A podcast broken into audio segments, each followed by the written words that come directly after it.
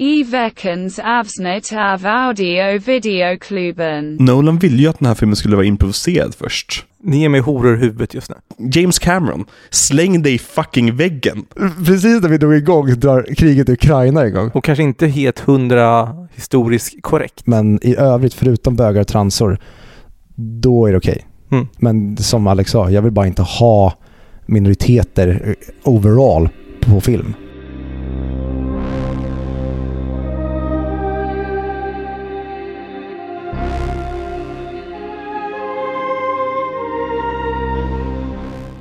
Great! We managed to do it again. Kortfilm ska vi prata om idag. Mm, ja men i, i eh, kontexten så är det ju kortfilm. Pengarna tog slut. Precis som för Alfredsson med The Snowman. Så eh, Nolan fick bara, alltså... och det är konstigt, varför spelar de in tredje akten först? Ja, och, och så, hur, hur kan man göra en andra världskriget-film och bara glömma att ha scener med nazister och typ Churchill? Det är som alla de här är som ordentliga scenerna. Det är dyra. Ja, exakt. Det jag har, Pengarna på skärmen, de syns inte i den här filmen. nej, nej, absolut inte. Eh, tal om ingenting alls. Vi har fått en ny, vi har fått en ny Superman. Ja, det har vi. Mm. Och en ny Louis Lané. Exakt, en ny, ny Lois Lané. Jag har inte sett någon officiellt eh, bekräftelse från DCs officiella konton. Men alla säger att det är bekräftat, alltså inklusive liksom kända outlets. Eh, men de vi har fått är ju då David Cronen Sweat. Och, får man heta så? Cronen Weth är väl fotografen? Nej, vad heter han? Eh, Finchers fotograf. Jag minns inte. Och så fick vi också, också Rachel Brosnahan, som vi har pratat om i tidigare podcasten. Mm. Och jag inte kunde uttala ens namn. För Mm. det uttalas tydligen Brosnan, Mhm. har jag för mig att vi kom fram till. Inte Pierce eh, Brosnan, Russian. som eh, han eh, James Bond uttalas. Pierce the Russian. Pierce the Russian. Ja. Men vad tycker du om castingen? Eh, Fredrik, vi har, hej Fredrik, vi kan med en gäst Ja, idag. F- Fredrik? Hej. Han kom inflygande med flygplan när det var en timme kvar innan inspelningen. Ja, Mm. du kommer direkt från Berlin va? Exakt. Mm. Eh, Jag gjorde en ordentlig research i Berlin. Mm. Som jag trodde att andra världskriget utspelade sig i. Men jag tycker det är en fransk liten stad.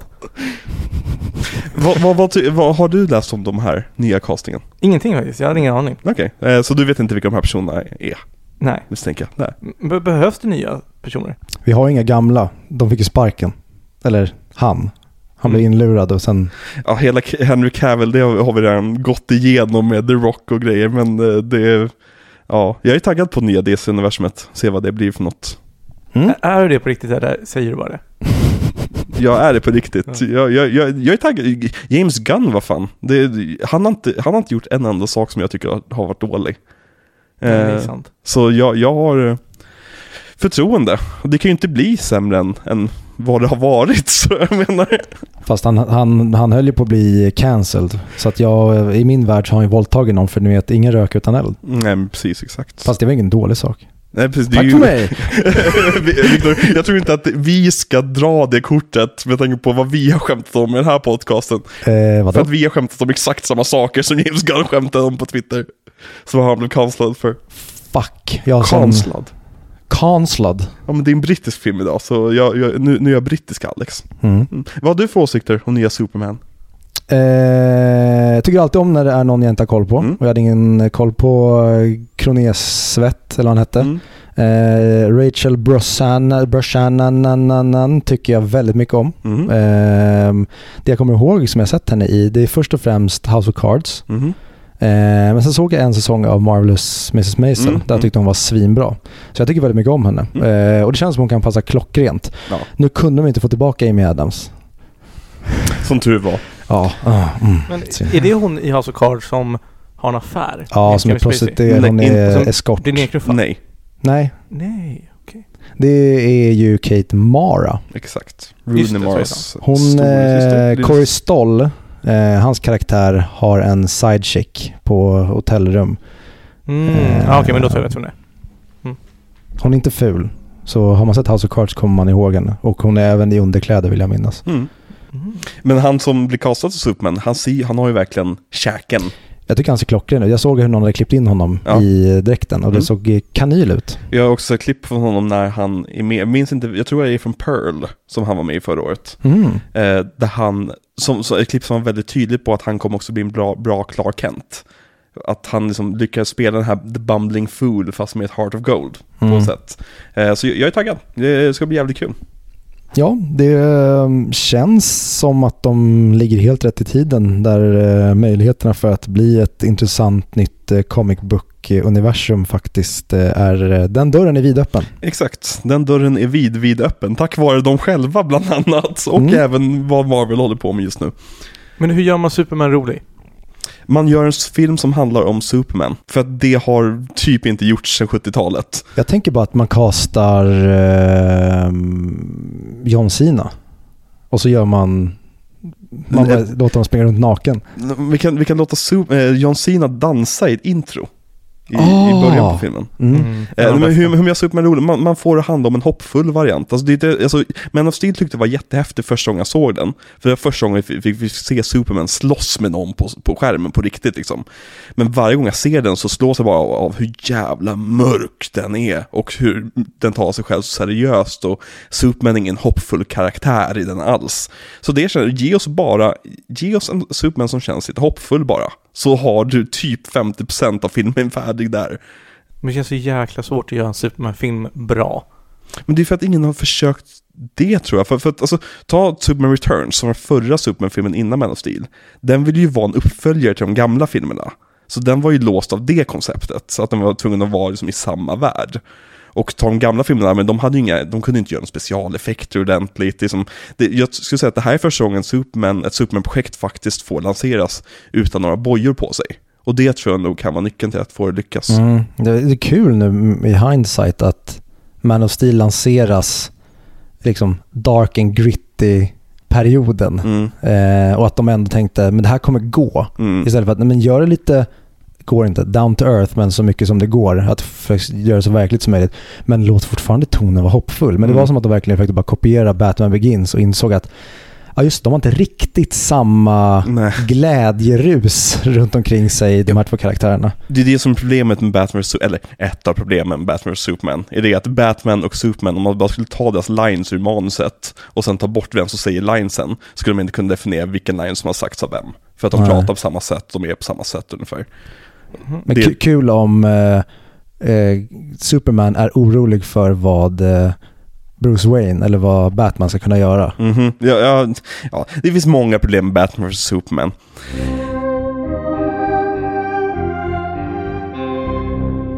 Men eh, välkomna tillbaka till Audio Video-klubben. Är nu ingen spelas?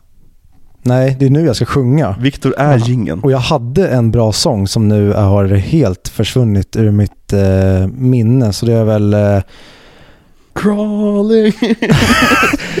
Audio Video Club. Det är en väldigt bra podcast. Så, Mm, då är vi tillbaka. då är vi tillbaka. Vad, vad, vad, vad sjöng jag den i först? Jag minns inte. Annars tänkte jag Crawling in... Jo, jo, det var Sleep. Det var till Insomnia för mig, för att jag trodde att det skulle vara Sleep. Men Ah, just ju det, In My Skin. Ja. Ja men då skulle jag kunna göra typ eh, Audio Videoklubben är en bra podcast. Hej. Audio Videoklubben är en bra podcast. Man sjunger amerikansk eh, sån inbördeskrigsmilitärvisa. Krig som krig. Ja, men det, är inte lite passande då till dagens film? Fast det är två helt olika tidsåldrar och kontinenter. Nej men det där är ju Blood on the Horizon. Blood on the Horizon? Är inte det? Nej, det är Blood on the Leaves. Glory, glory, what a hell a way to die. Ja, exakt. Det, det, det är ju en amerikansk inbördeskrigsmilitärvisa. Men de sjunger den i Band of Brothers också. De sjunger den, alltså det Jo, handlar men det är om... för att de är amerikaner. Ja men det, men det är ju, alltså det används ju i andra världskriget också den Jo men låten. det här är ju en, alltså Dunkirk, om det är någon strid i andra världskriget som vi inte kan säga någonting om amerikan om, det är det ju Dunkirk. Ja men jag ser inte länder och färger på det sättet. nej. Det är sådana som du som gjorde så att vi besegrade Hitler. Ja. Men är inte andra världskriget bara ett stort inbördeskrig? För vi alla är ju en befolkning. är inte alla krig bara ett stort inbördeskrig? Verkligen. Det är Ja. när vi börjar kriga mot andra galaxers Nej, jag skulle säga att vi också är en och ett och samma folk. Det spelar ingen roll hur långt man åker. Även om man skulle hittat aliens i Interstellar när de kommer till Edmunds planet så skulle jag säga att det är fortfarande inbördeskrig om man Mm. skulle bråka med dem. Exakt. We're all one. Ja, Shrek is love, Shrek is life. ja, Ja. Vi ska prata om Dunkirk idag. de säger det. Christopher Nolans eh, tionde? Nionde? Jag vill säga, Det känns tionde. det känns tionde. Ja. Eh, Det här gjorde, exakt det här gjorde vi för förra veckans jag avsnitt vill också. säga, ja, för det var Inception av, nej vilken släpptes nu? Det var inte, nej, Dark Knight. Dark Knight Rises. Jag vill säga att den är nummer åtta, Mm. Nio, tio. Ja. nio, tio. Vi säger att det är nummer Vi säger tio. att det är tionde avsnittet. Har vi fel så är inte det första gången. Säg inte så. Säg inte så högt. Jag har aldrig haft fel. Jag har aldrig haft fel när jag pratar. Vi ska prata om Dunkirk, eh, Christopher Nolans kortaste film. Om man räknar bort hans debut. Ja, Och filmen också som gav Christopher Nolan en Best Director-Oscar. Nominering. ja precis. De hatar fortfarande honom. Exakt, så, så populär är han inte än så länge tydligen. Mm. Så jag frågar, börjar med att fråga dig. Mm. För vi har en gäst idag. Åh, nervös. Kan, Ja. kan, kan, inte, du- kan inte du introducera dig själv? Nej gud, vad Eh, taskigt. Eller ska, vi- ska, vi, ska, vi, ska, vi, ska vi göra så här, ska vi bara låta hans röst vara med? Vi säger inte vem det är vi har med. Vi gjorde inte vi något liknande sist han var med? Nej, då, då hade vi en introduktion. Ni pratade ju om, om att ni hade haft podden och Att vi hade haft sex? pluggade eh, A till Ö och så vidare. Ehm, Nej men eh, välkommen hem, nej, nej, nej, men, nej, men. Hur känns det att vara här? Hur känns det att vara tillbaka där du är hemma? Eh, vart hör jag hemma, menar du? I filmvärlden? Ja, det, al- alkoholism har aldrig klätt dig. Ja, alltså min senaste podd som jag håller på med har ju bara varit en lång dimma. Vi har spelat in ett avsnitt om dagen. Jaha, men då kan jag relatera för mitt liv har varit en lång dimma. Har du också druckit öl varje dag? Nej, jag vet bara inte var jag befinner mig eller vad jag gör. Eh, så det känns väldigt bra att vara tillbaka till filmvärlden. Och få... si- Sist jag var här så hade ni för så här. Nej men Last of Us är ingen bra serie. Ja, just det. Så det känns inte så kul. Ja just det, när, när, du, du, du trodde vi skulle ha så här kollektiv runkfest Och så slutade det med att typ jag och Viktor stod och bitchsläpade dig i turordning Ja, ni har ju blivit så här. äh, ni är ju Berlin fast i filmvärlden. Ni är emot allting som är populärt. Ja, vi är hipsterpodden Ja, Mm. verkligen. Fan, vi hade, hade vi klivit in på, eh, hade vi ställt oss i kön till Berghain efter vårt Last of Us-avsnitt, då hade vi gått förbi hela kön mm. och varit VIP-gäster. Och även efter vårt Top Gun-avsnitt Ja, och det har väl varit fler. Där vi, eh, Ja. Triangle of Sadness Ja, var vi precis. också väldigt eh, konträra. Har du sett Triangle, Triangle of Sadness? Nej, inte än. Nej, gör inte det eh, Vad heter du? Eh, Mitt namn är Fredrik. Jag eh, har haft en podd innan, 100 mick. Ja. Heter vi. Det gick igenom EMDBs topp 100-lista. Just nu har jag en, en eh, ölpodd som har paus under sommaren som heter A till öl. Mm. Vi pratar om alla öl på Systembolagets standardsortiment i bokstavsordningen A till öl. Vad trevligt, kul att ha dig här Har man höra vad jag sa? Ja, Tack. Jag vill- annars kan Viktor sak- sakta ner där till typ halva hastigheten jag kan dra ner det till den här normala takten. Eller? ja, absolut. Hallå? Eh, hallå? Hallå? Och vad heter du då? Du sitter bredvid mig Eh, just det, jag har ett namn också. Det, jag identifierar mig som Viktor Okej, och eh, det har jag gjort. Sen mina föräldrar sa att du ska identifiera dig som Viktor.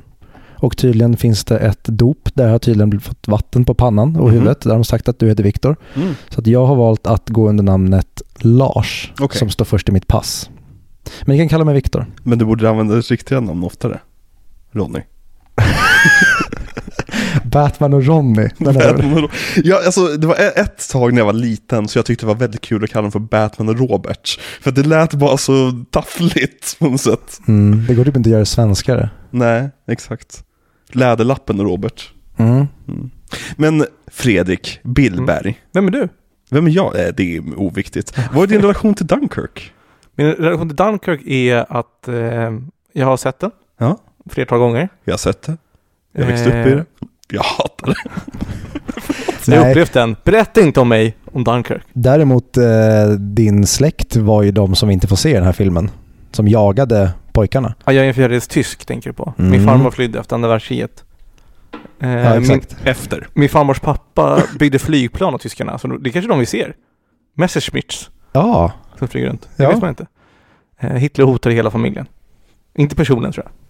Att om de inte tog en paus i byggandet så skulle han behöva ge dem en semester. Ja, alltså han hotar dem så här, ni kan inte bygga så mycket flygplan, det, det ser inte bra ut. Mm, Exakt. Det är så här, vi vill inte vinna så mycket. nej. Nej. Men eh, förutom det, jag älskar ju Nolan, så jag har koll på mycket Nolans verk. Jag antar att ni Mm. går igenom Nolan just nu. Har, du- har du, i och med att du inte har varit med i resten av Nolan-miniserien, Mm. har du någon Nolan-favorit? Ja, jag tror det inte Stellar. Mm. Jag skulle vilja Oh, eller Dark Knight? säga så här. De två. Är det någon av Nolan-filmerna förutom Tenet? För Tenet eh, kommenterade vi i något avsnitt vet jag, för den kom ju under podden. Mm. Men är det någon av de andra som vi inte gjorde ett avsnitt på? För jag tror inte att det är det. Ja, men Insomnia. Eh, Batman Begins, Insomnia. Förutom dem då? Ehm, Prestige är vi inte med på listan. Jo. Ja, Jo, den är Mm. otrolig. ja jag håller med. Mm. Men vad tråkigt att du säger Interstellar. För vi har ju nyligen eh, pratat om Interstellar. Mm. Och ehm, En film vi blev väldigt imponerade av. ja, tråkigt. Var ni fortfarande emot, för när vi spelade in podden 100 mick om inte Stellar, så var Viktor emot så här. Är det inte när läraren ska dumförklara med månlandningen eller vad det nu var? Mm. Jag eh, har blivit gammal.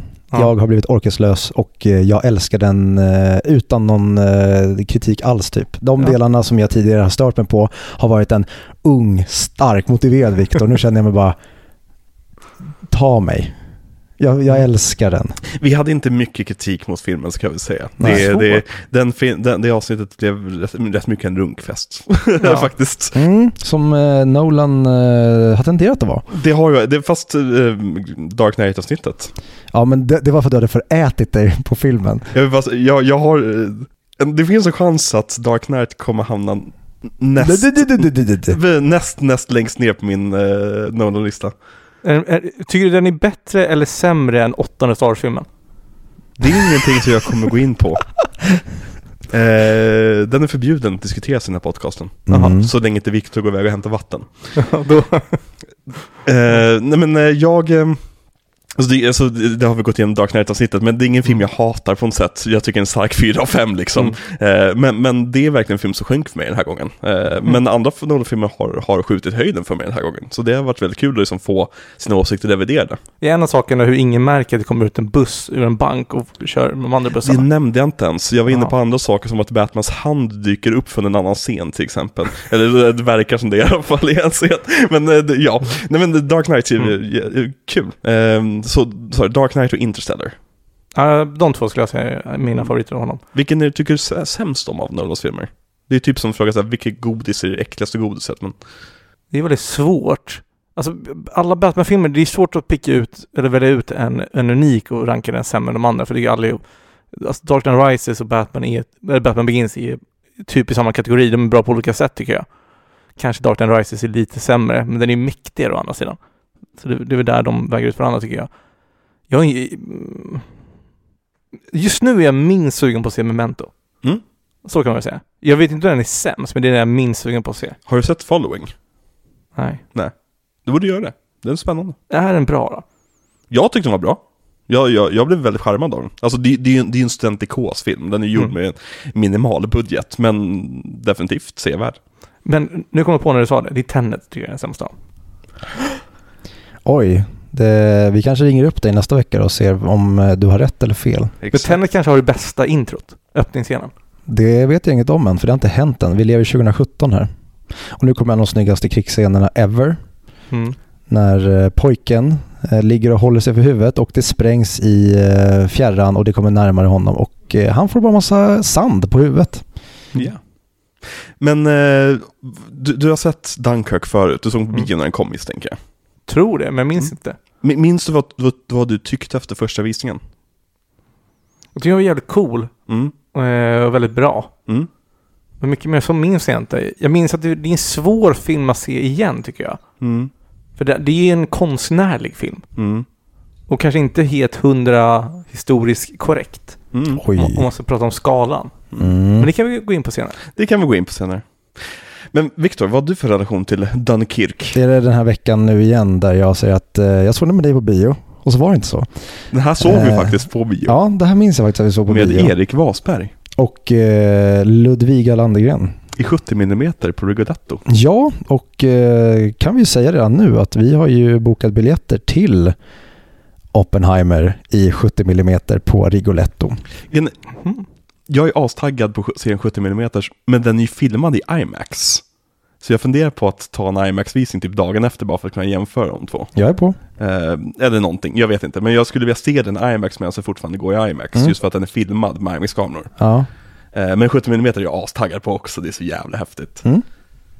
Mm. Eh, Ja, och vad, vad tyckte du Det efter första visningen?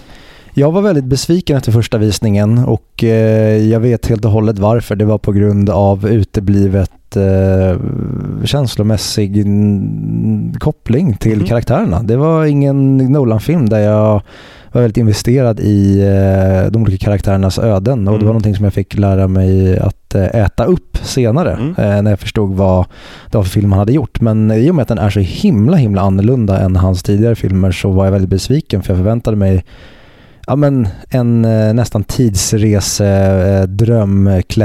eh, mm, krigsfilm. Mm. Och jag fick någonting som är nästan dokumentärt. Mm. Så jag, jag var väldigt besviken, men med det sagt så tyckte jag att det var en väldigt sevärd film. Mm. Ehm, så det var vad jag tyckte. Sen har den här filmen vuxit som eh, maskrosor på en sommaräng eh, med tiden. Spännande. Mm.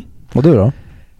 Ja, Vi såg ju den tillsammans, och vi hade väl typ exakt samma reaktion vill jag minnas. Mm. Alltså jag var besviken på den här filmen, även för jag tyckte att den var jävligt häftig. Mm. Alltså jävligt ball och, och liksom, ja, otroligt liksom fotad, liksom ball action, mycket spektakel liksom. Men jag, jag, jag tror jag var inne på lite samma spår där som du, att jag förväntade mig någonting mer. Någonting, n- när man hör att Nolan fått 150 miljoner för att göra en krigsfilm, då tänker man inte att den ska vara liksom 90 minuter lång, eller vad det nu är liksom. Som, Ja, 102 va? Ja, ja men åt det hållet liksom. Eh, eh, Film som är rätt liten i skala. Mm. Så, så det minns jag tog mig på sängen, just den lilla, lilla skalan i den här filmen. Och man kan se lite grann som så här, inte kunna se skogen falla trän, sjukdomen lite grann. Att, eller snart tvärtom.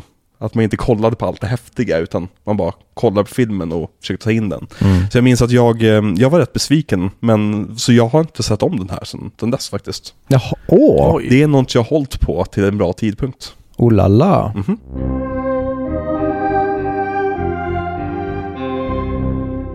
Ska vi ta lite kort vad vi tycker om filmen nu? Freddy. Vad tycker du om den här filmen? Lite kortfattat bara. Ja, men jag tycker den är väldigt, väldigt snygg. Och det är väldigt cool take han gör på hela situationen. Mm. Eller ja, händelsen kanske man ska kalla det. Eh, sen så tycker jag det finns brister i den också, vilket jag, ja. Den, den känns lite för...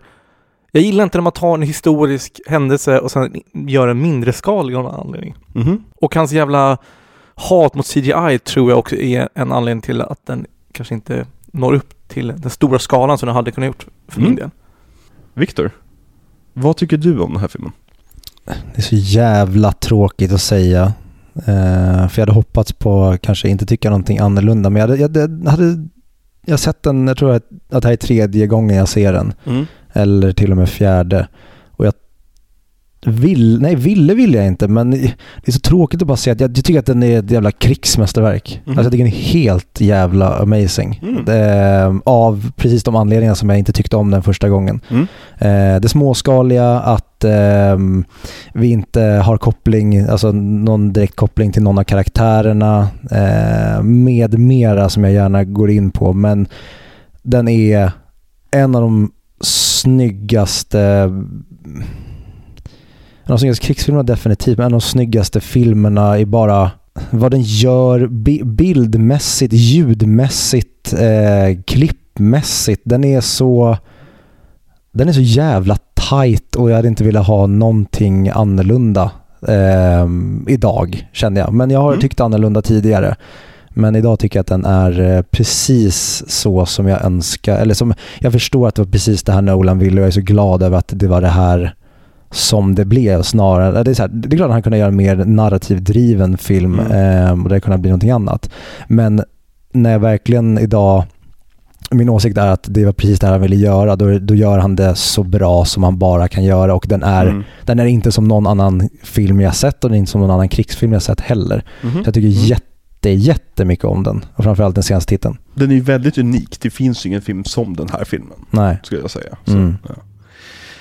Uh, stickspår bara, jag, jag såg den här på Blu-ray. Eh, Mm. Det stör mig lite grann att, att HBO Max inte skalar upp till IMAX Varför den här filmen är 75% fi- fotad IMAX och det fotot är görsnyggt när det fyller ut hela, hela, hela fönstret. Ja, och de, den här filmen är ju verkligen som gjord för det. Ja. Och du då? Jag sa, vad, vad tror ni att jag tycker om den här filmen? Vad, vad, vad tror Fredrik att jag tycker om den här filmen? Jag tror att du tycker att den är lite tråkig ibland.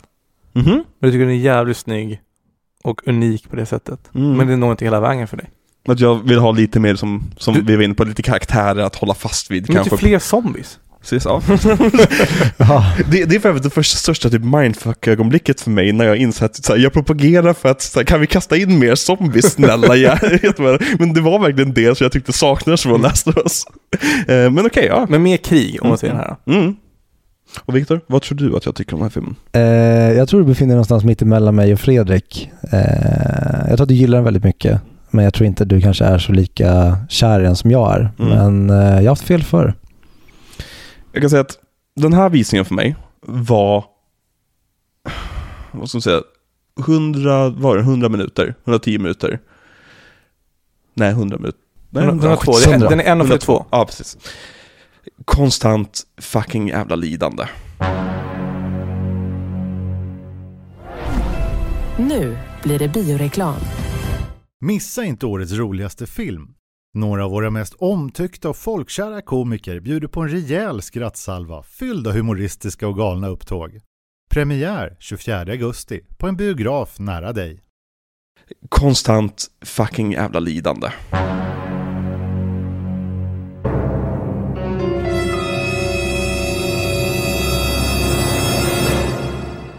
På ett positivt jävla sätt. Ja, det här... Jag har aldrig varit med om en liknande film. Alltså det här är den häftigaste actionfilmen jag någonsin sett. Eh, Chris, eh, James Cameron, släng dig i fucking väggen. Eller snarare samarbeta med, med, med eh, Christopher Nolan och sänk en båt tillsammans. För ni båda gör det på exakt samma matematiska sätt. Eh, jag tycker att den här, den här rivalerar några av de bästa filmerna jag någonsin sett. Och det var jag säger om den här filmen hittills. Fan vad han körde en masterchef där. Mm. Och det har varit lidande. På ett bra sätt. Det var lidande, alltså den här filmen är så ångestladdad. Ja. Jag, jag, alltså, jag mår så dåligt när jag ser den här filmen. Jag borde, jag borde klippa in där att eh, när du säger lidande, då går vi till reklam. sen kommer vi tillbaka och sen, det här, den här var lidande. Nej, men alltså, det är bara här är som att det är bara, om, om man tar mole-sekvenserna, att det är bara två pojkars eviga jävla kamp för att komma bort från den jävla stranden. Ja. Och det lyckas inte vad de än gör, till slut, förutom på slutet då såklart. Och hela det här, alltså Tom Hardy-biten som utspelar sig över en timme. Det enda ställen som är lite hoppfulla, det är ju ute på båten med, med George och de där. Och så, och så, och så visar det att nej men George ska dö. ja, på det, det mest pissiga sättet Ja, som går. precis. Nej men alltså det är verkligen, jag mådde piss under den här filmen på samma sätt som man mår piss under Requiem for a Dream skulle jag säga. Eh, jättebra jämförelse Ja, skulle jag säga. jämförelse. Ja. Så det, är- det, det, det här är eh, ett mästerverk. Men vad tycker du om tidshoppet? Jag tycker det gör allting mer intressant, för det gör så att du kan få payoffs på saker och ting som du inte hade kunnat få payoff på. Ta bara, du, du, ser, du ser flygplanet åka över, över båten, och sen typ en halvtimme senare in i filmen ser vi den scenen hända från båtens perspektiv. Mm. Då, då blir det lite som det här med, eh, det som Marvel håller på med och DC också håller på med, att man slänger in kända skådespelare på skärmen. Det är väl lite som att man får en liten, liten så här adrenalinrush att, ja men vänta, det där känner jag igen. Mm. Och det gör så att vi förankrar oss i någonting utöver ångesten. Så jag tycker att tidshoppen faktiskt tjänar filmen. För att jag har alltid skämtat om att så här, Nolan kunde inte hålla sig den här gången heller från att göra tidshopp fram och tillbaka. Men nu när jag såg den här gången så kände jag verkligen att det, det, han har en klar och tydlig vision med att ha tidshoppen. Mm. Vad tycker du? Jag tycker det blir nästan lite för förvirrande. N- nästan att jag inte fick någon connection på grund av dem. Men jag är osäker på den. Jag, jag var inte lika övertygad som, som du är över att det är bra, men jag är inte heller övertygad på att jag ogillar det. Det, det känns mer som en eh, mystisk grej som jag inte riktigt vet vad, om man ska tycka det är gott eller inte. Mm. Angående tidshoppen. När ni såg den här första gången, trodde ni att The Mole menade mullvaden, alltså eller den som kommer förråda dem. Eh, mycket möjligt. För att när det dök upp på skärmen, jag minns verkligen att jag visste inte vad The Mole, att det var landgången. Nej. Så jag trodde så här, det kommer vara någon, det är han, äh, han fransosen, han, han kommer visa sig vara, vara en tysk sen. Ja men nästan Tinker Taylor. Ja men exakt, precis, The Mole. There's a mole at the top of the circus. Eh, det, minns jag, det blev jag väldigt förvirrad av, men annars tycker jag att mm, tidshoppen bara, bara tjänar storyn. Och det gör också så att du slipper ha att Tom Hardy bara är med i sista fem minuterna. Ja och eh, även, jag tycker det ger väldigt mycket ett om, en omtitt. För det är väldigt mycket man kan se så Ja. där saker bara sker i förbifarten. Så bara, åh det är den båten! Ah shit, okej, ja men.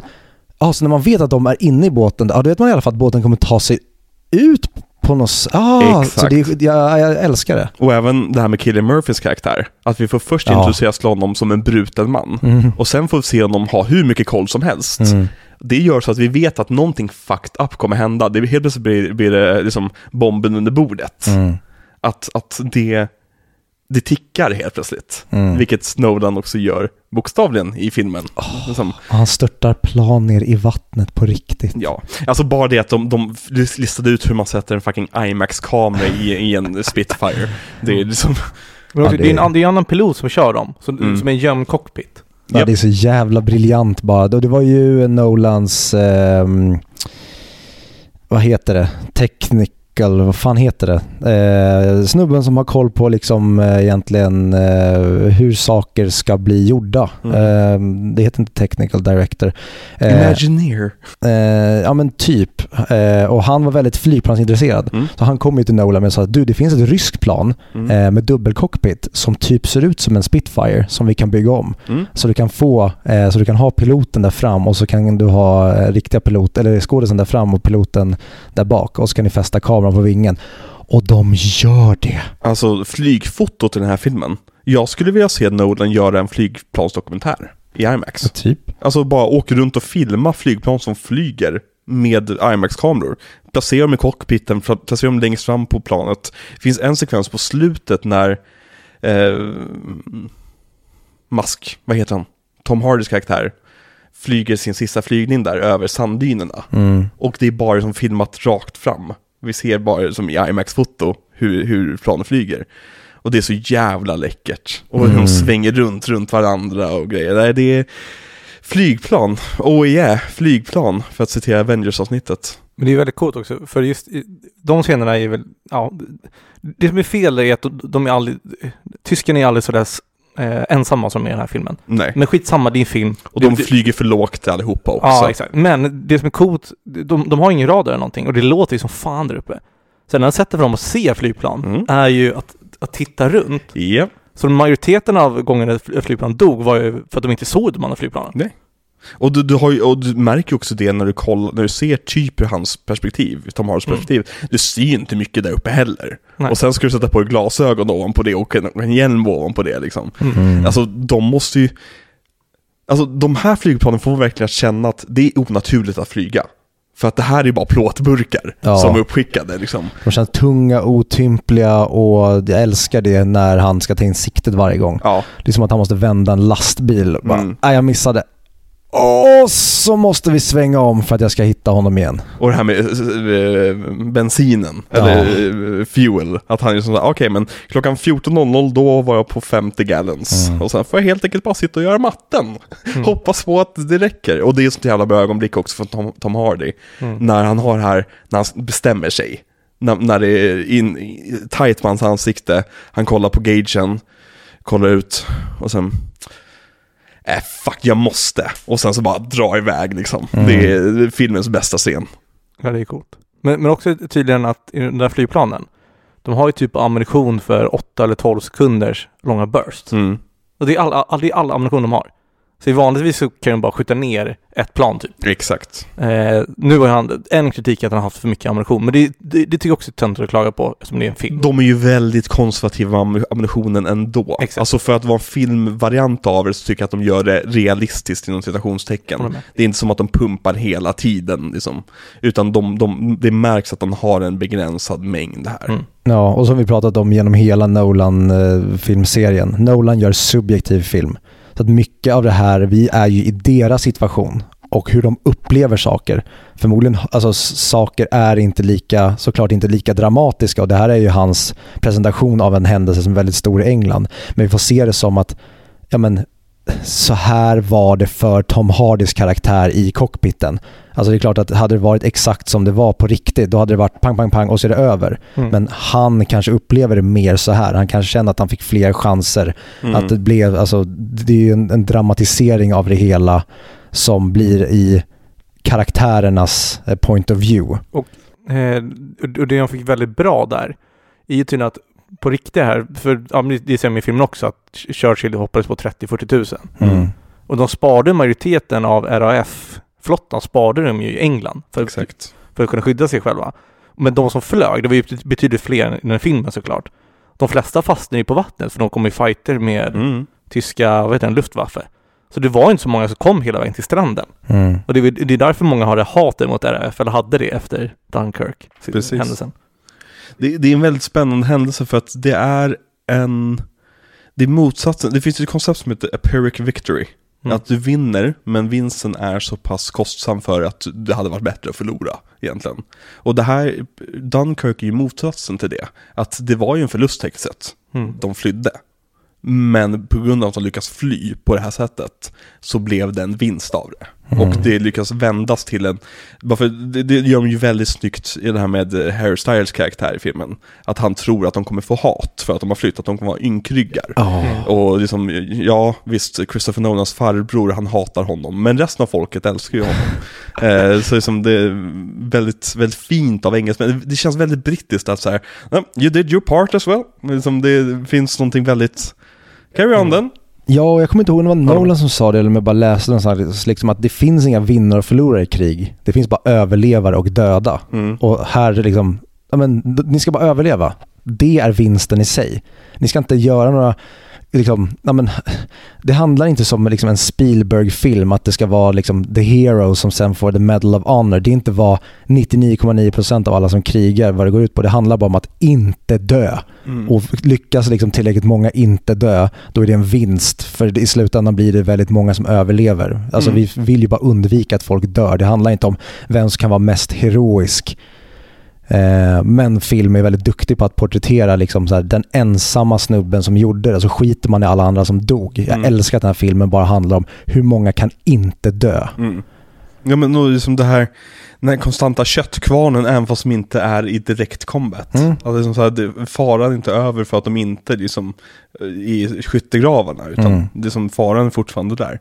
Det måste så jävla sjuk grej att stå på Dunkirks stränder och se England på andra sidan och så Fan, och dit kommer inte jag. Ja, nej, men det är nästan dåligt skrivet. Alltså om det Ja. inte hade varit en riktig historisk händelse. Aha, aha, aha, det är så nära så man kan se det. Töntigt att ni behöver nämna det. Nej, för det var verkligen så. Och det har person efter person verkligen bara pratat om att ja, vi stod där. Men vi kom inte hem. Mm. Det, och jag älskar scenen med mannen som, nej, jag har fått nog. Jag testar att simma Ja. och det skiter sig.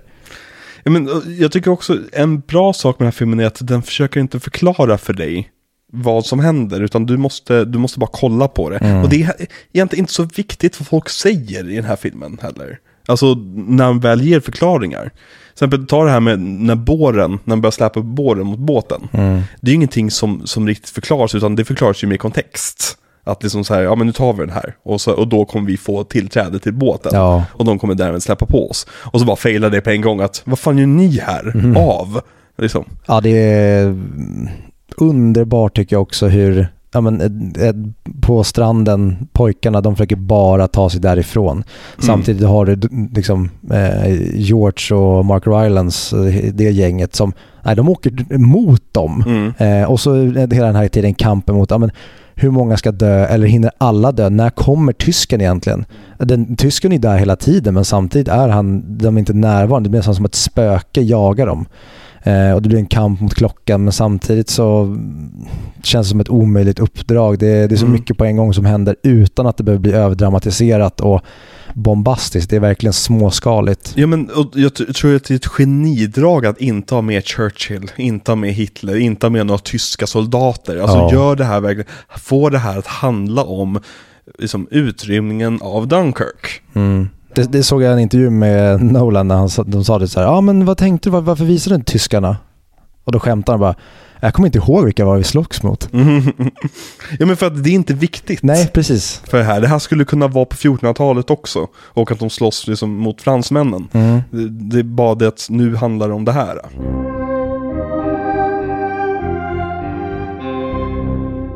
Vet du varför tyskarna inte bara klev in och dödade alla? Varför då? Det finns lite olika teorier kring det. Men deras pansarvagnsförband, eller vad man ska kalla det.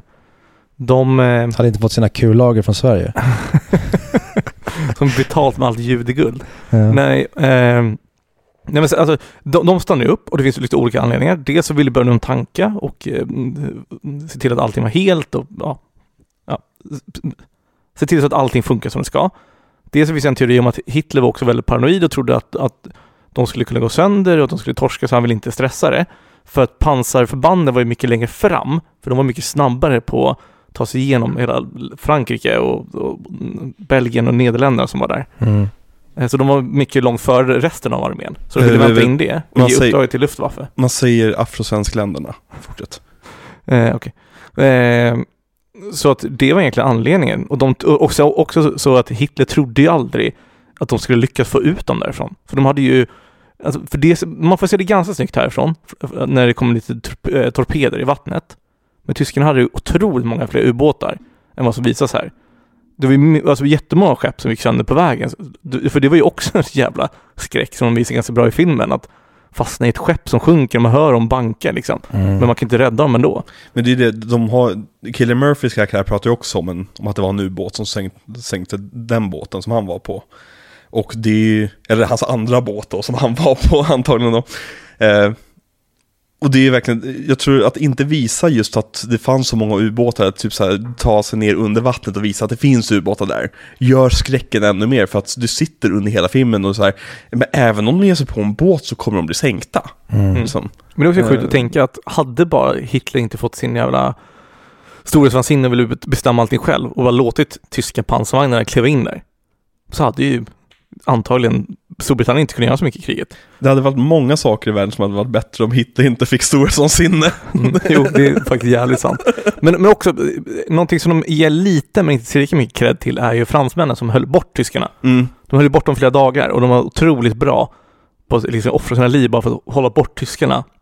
Att avancera för långt nära Dunkirk-stranden. Fransmännen hade väl gett upp för det här laget va? Alltså eh, Vichy-regeringen och allt det där. Ja, som land tror jag. Ja. Men eh, de Ja, hade precis, ju... de hade ju franska, alltså franska eh, motståndsrörelsen. Jag tror det var 120 000 Ja. Franska eh, som kom över sen till England.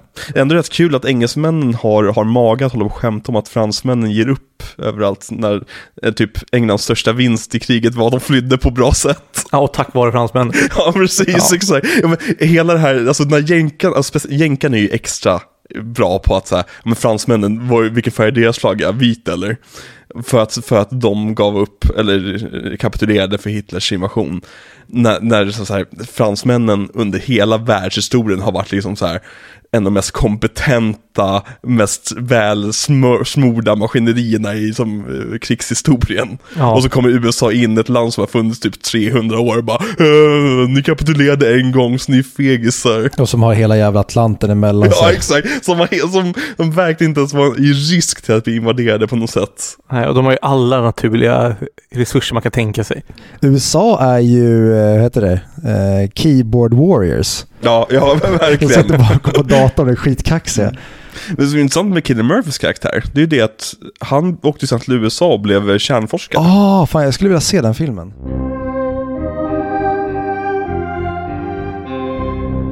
Okej, jag har en teori om att den här filmen skulle kunna bara ha ett score. Bara ett score eller Nej, bara alltså bara score? scoret. Bara scoret. Alltså att det skulle kunna vara en stumfilm, fast med musiken på liksom. Mm. Vad, vad behövs dialogen i den här filmen? Egentligen inte, men jag tycker samtidigt att det är skönt att han inte inte låser sig på det sättet. Det är klart att han kunde göra det till en stumfilm, det hade varit coolt. Och han kollade tydligen svinmycket stumfilm, framförallt från eh, 30 och 40-talet, när han skulle få inspiration eh, till att göra den här. Men jag är glad att han inte eh, låser fast sig i det, utan när han vill att karaktären ska prata så gör han det. Men jag tycker väldigt mycket om hur tyst den är och framförallt hela stranddelen och de unga killarna. Att det inte blir någon man sitter med varandra och svarar Ja, vad heter du då? Ja, ah, min fru är gravid. Utan Min flickvän där hemma. ja, man bara håller käften och försöker, okej, hur ska jag överleva nu? Jag springer dit. Eh, jaha, eh, nej det gick inte, jag springer dit. Och, och man bara pratar när det är absolut nödvändigt. För de är så fucked i huvudet. Ja, de orkar inte, de har ingen energi i Ja, kroppen. det är liksom. så jäkla bra. Jag älskar den presentationen av hela den här filmen. Hur, hur den är så o-Nolandsk. Alltså den håller Mm. inte på med det som Interstellar håller på med. Där vi ska känna jättemycket för en man som Nej. bankar bak på baksidan av en bokhylla. Det är tvärtom. Och informationsdumpar och grejer. Ja. Den är väldigt anti-Nolans Ja, faktiskt. och det är det jag... jag det är Tarantino som... eh, Det har blivit lite av en så här, ja Tarantino säger att det här är Nolans eh, bästa film och jag håller med honom på många sätt. När Tarantino skulle göra sin eh, topplista över tiotals bästa filmer så kommer den här på andra plats.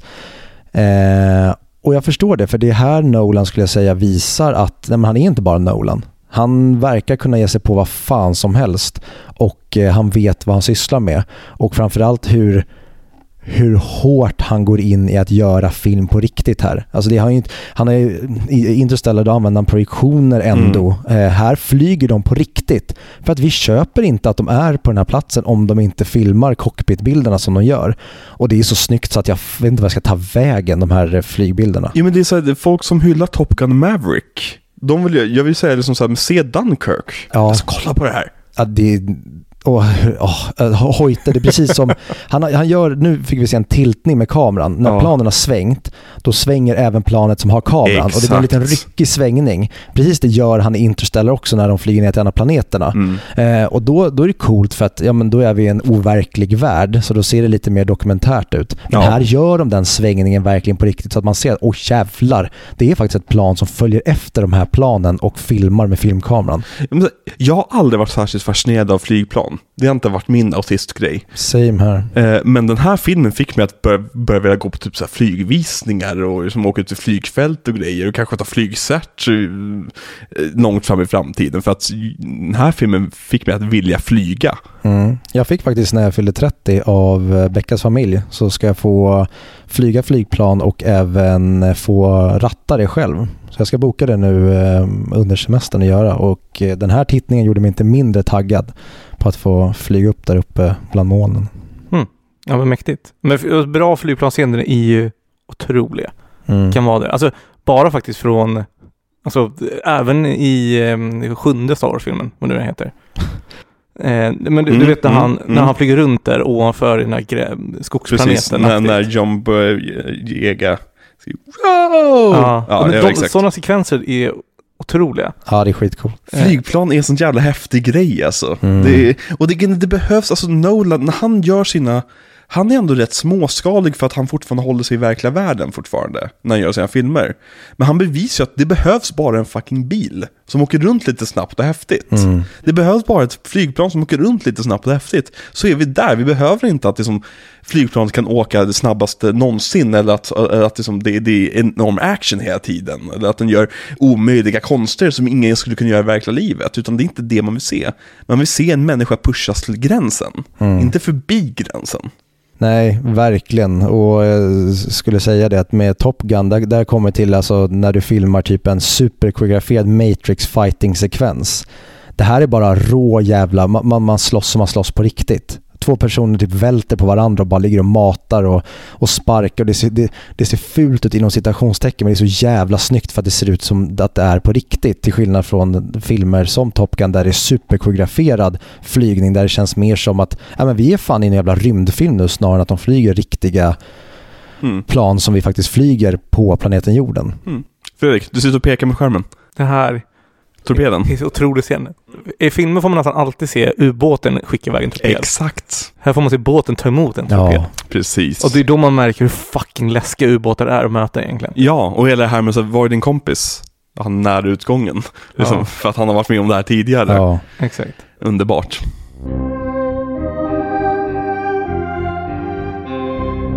Var det vi som pratade om att det finns en nederländsk film med en nederländsk familj? Som några danskar åker till typ. Det var vi som pratade om det. Är det Speak No Evil?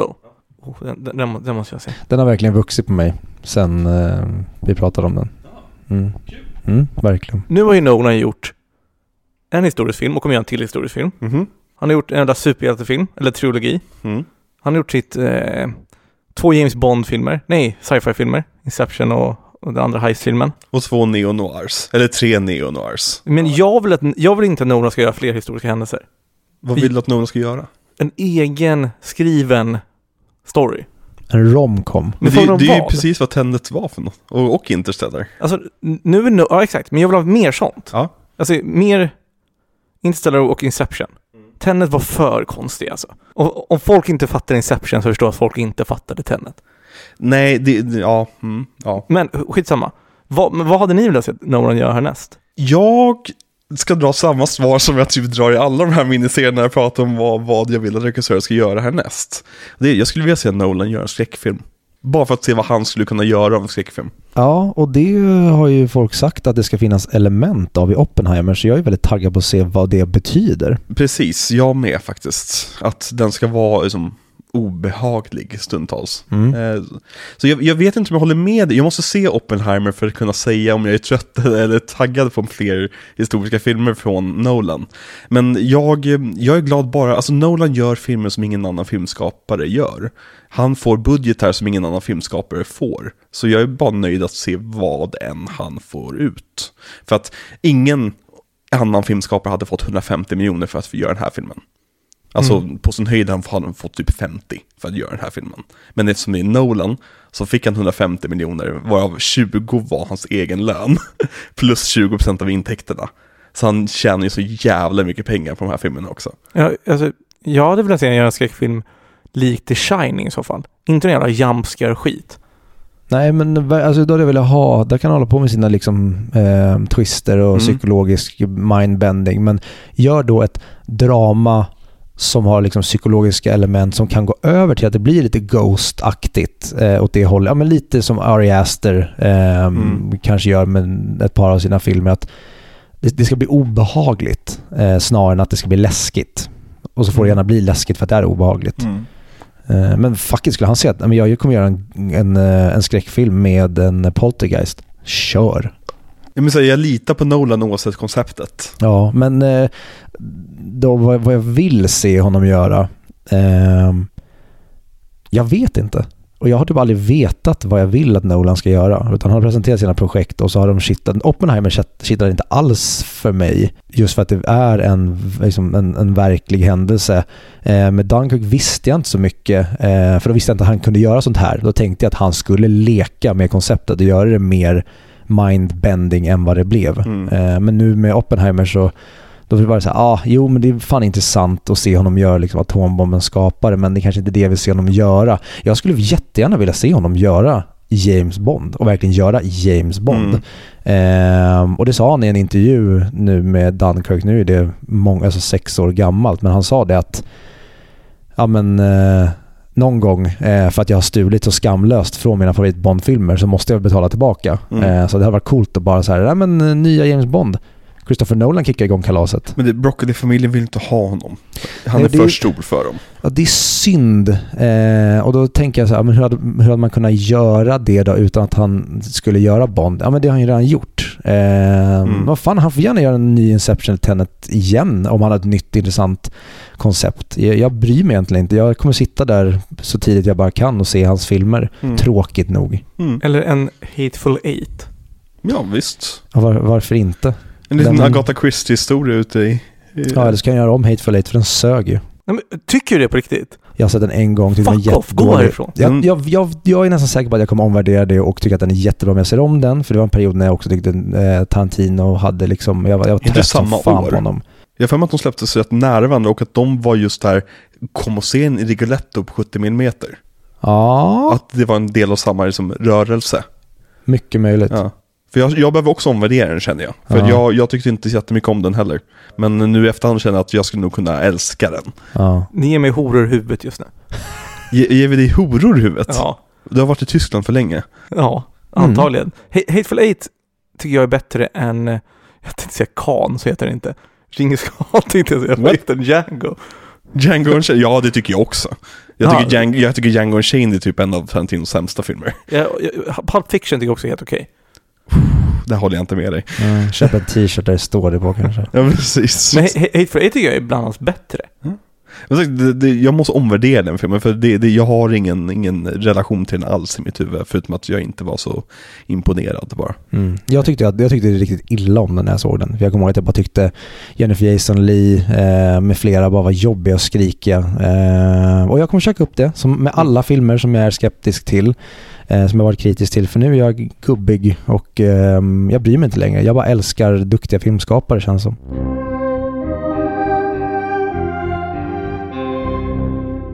När det kommer till casten i den här filmen känns det lite meningslöst att gå igenom castlistan. För att det är så här, kan vi inte prata om skådespelarnas musikaliska karriärer istället? ja exakt, vilken skådespelare i den här filmen har haft bäst musikalisk karriär? Tom Hardy, han har väl eh, rapkarriär? Ja det har, det har han ju Ja, faktiskt. så att, eh, Någonting som att Kenneth Branagh kan sjunga. Och har gjort det. ja. Eh, För han, han, han, det är som när de skapade honom i det där labbet som han skapade i. Så, så gav de honom sångegenskaper. Det är som, Mm. så enkelt är det. Mm. Eh, nej men okej, Harry Styles. Det var ju jättemycket mycket skriverier om Harry Styles. Det här är hans första filmroll, Mm. är det va? Ja.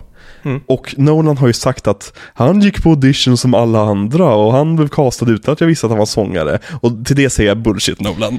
Eh, 150 000 procent. Om du har en av de hetaste liksom, Ja. unga artisterna i världen eh, och du kan få honom i en, det spelar ingen roll om han hade varit med i en scen. Mm. Han är med hur dålig han är. Och Nolan är förälder till tonårsflickor. Mm. Inte en chans att ni inte visste vad One Direction var. Det, är liksom, det, det finns inte på kartan. Det, det, är en, det är en omskrivning i efterhand för att det inte verkar vara som att Hairstyles manager köpte in sig på projektet.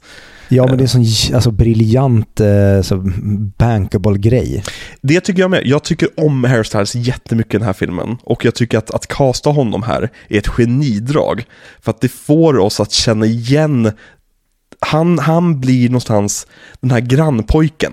Som vi har, vi har sett hans ansikte så många gånger i vårt liv. Och han är en av dem ute på stranden. Det blir en igenkänningsfaktor i att de har den här superstjärnan som spelar en otroligt liten roll. Mm. Och till eh, Nolans subjektiva casting. Mm. Att alla kids, alla de unga, är oigenkännbara. Alltså Mm. typ ingen har sett dem förut, utom Harry Styles. Men vi alla vet att det är hans första roll. Mm. Så han är precis som han är i filmen. Han har ingen eh, liksom, kunskap om Exakt. krig eller har varit soldat. Han vet inte hur det är att vara skådis. Så han blir verkligen, han lajvar inte, eh, han är alltså torr, eller inte torr bakom öronen. Han är blöt bakom öronen i filmen och som skådis. Och det är så jävla snyggt. Och sen så har alla gubbarna i filmen som vi alla, vi känner igen alla äldre skådisar som blir auktoriteter vi, har, vi känner oss trygga med. Det är, jag, jag hade ingen aning om det här innan vi började den här filmserien men Nolans subjektiva casting är ju... Eh, varför gör inte fler så? Mm. De är inte Nolan. De, är inte, no- de har, alltså, det är, Dark Knight har gett Nolan så jävla mycket fria tyglar. Som han aldrig hade fått annars. Och sen Inception på det liksom. De, den one-two punchen var verkligen, okej du får göra vad fan du vill. Ingen kommer ifrågasätta det längre. Men Viktor, du hatar ju när man säger så här, men han är inte bög, så han kan inte spela bög i den här filmen. Mm. Och så vidare.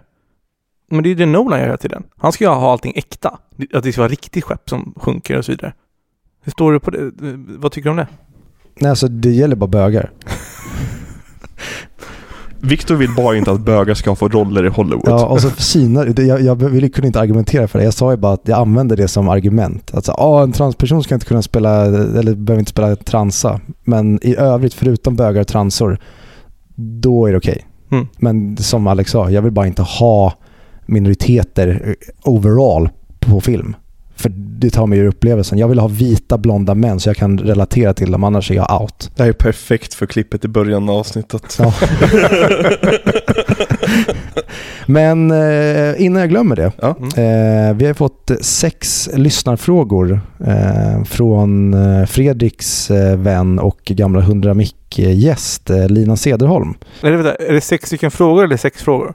Det var sex stycken frågor om sex som egentligen skulle tas upp i sexminiserien men du var tydligen, eller tyvärr så var du med tidigare än så. Men eh, så jag tänkte att jag ska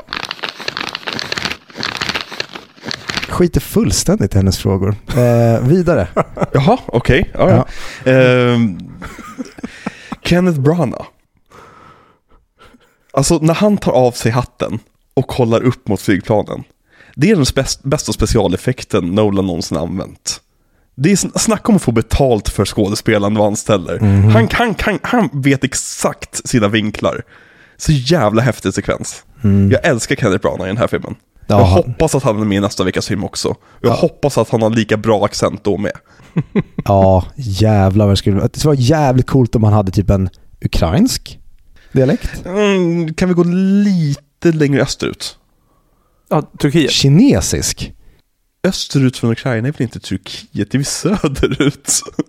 Kinesisk, ja. Han kan dra en kinesisk dialekt genom hela filmen, det var skitbra. nej, Vic- nej, nej Viktor. Kan du visa en Nej, kinesisk dialekt? nej, nej, nej, nej, nej, Kan du prata lite kinesiska? nej, nej, nej, sätt inte igång honom. Sätt in, fy, fy. Det är jag som klipper avsnittet så jag kan säga vad jag Ja, precis, nu kommer ingen technical difficulties rädda det här heller. Vad var det där för dialekt?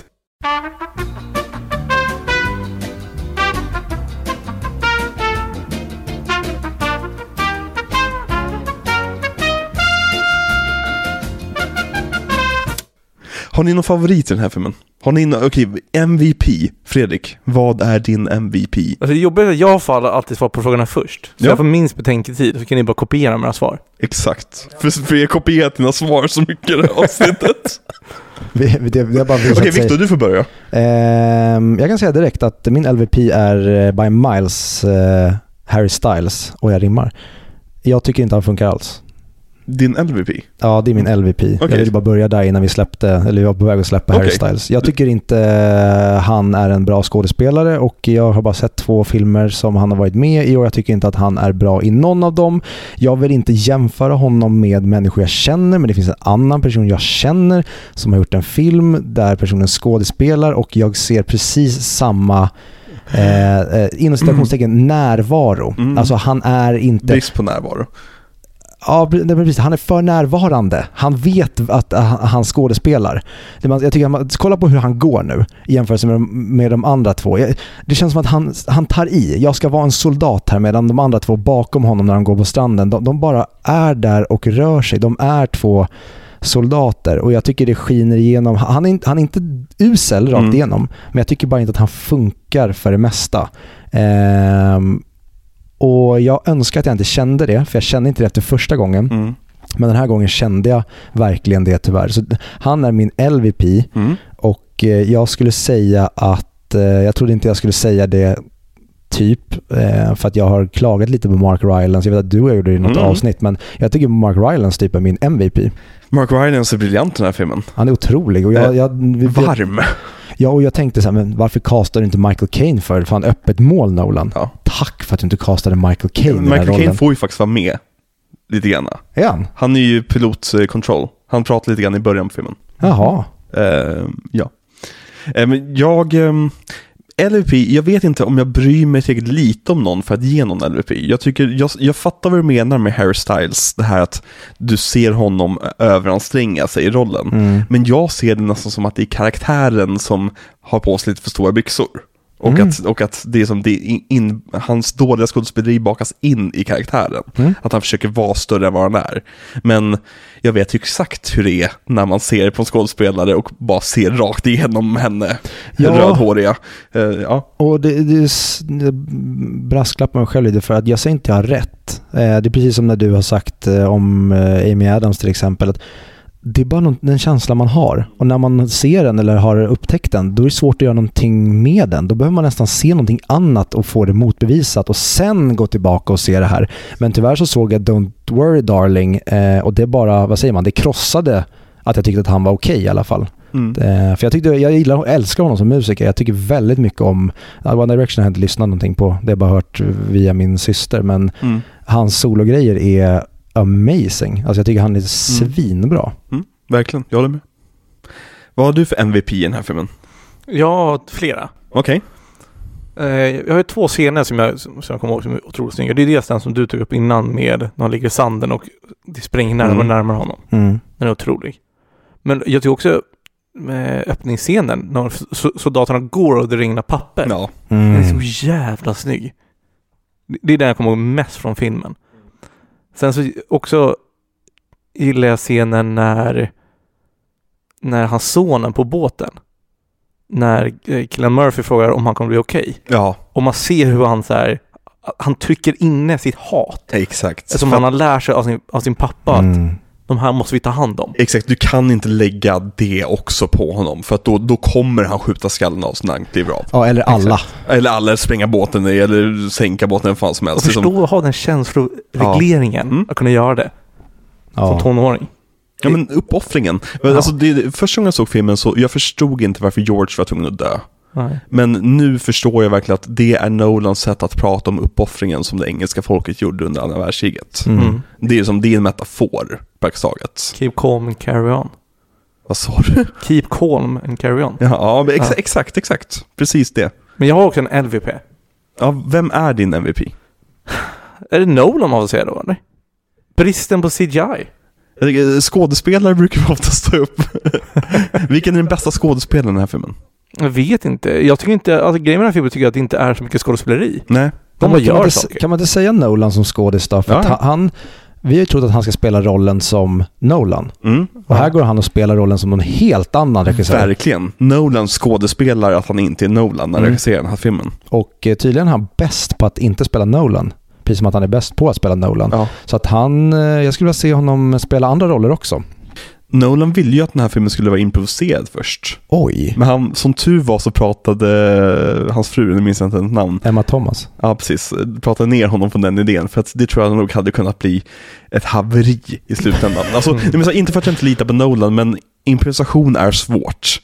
Och speciellt när det kommer till sån här teknisk film. Det skulle vara jättesvårt att improvisera här. Han, han tog all heder av eh, Heath Ledger. Ja. Improvisera. Hur svårt kan det vara? Kolla vad han gjorde liksom. Exakt. kan väl jag också. Men också svårt att alla vill ju då visa upp sig. För att de är unga och sånt, så alla kommer inte ha för mycket plats. Och ing, det är så här improvisation, så alla bara springer i olika riktningar. Kamera, hojtar bara, "Va- vem, vem fan ska jag följa här? Harry Styles ställer sig och sjunger i mitten. Jag tänker bara på Michael Scott i The Office när han kör improv och alltid ska skjuta alla. Ja, en av de bästa delarna. Eh, jo, eh, en, en av de frågorna som jag knögglade ihop och slängde iväg, bara avstickare.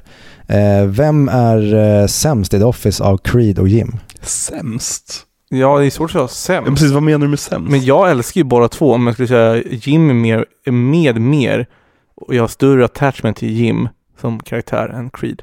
Jag ska se exakt hur frågan löd här. Eh, jag knögglade upp pappret igen här. Eh, vilken är den sämsta och tråkigaste karaktären i The Office, Jim eller Creed? Hur kan man ens fråga om Creed är den tråkigaste karaktären i The Office? Han är typ den roligaste och mest intressanta. Ja, så. Eh, om du lyssnar Lina, fuck, off. Som Brian Cox skulle sagt i Succession, som du fortfarande inte har sett trots att jag och Fredrik sa åt dig en miljard gånger att se Succession och vi såg saker som du rekommenderade. Tack för mig, hej. Hon kanske har sett den nu i eftermiddag. Det kanske inte vet. Nej, hon är en, Hon är TikTok-junkie. hon är en ond människa. En ond, oj. Hon fick mig att se Fleabag och så skulle hon se Succession.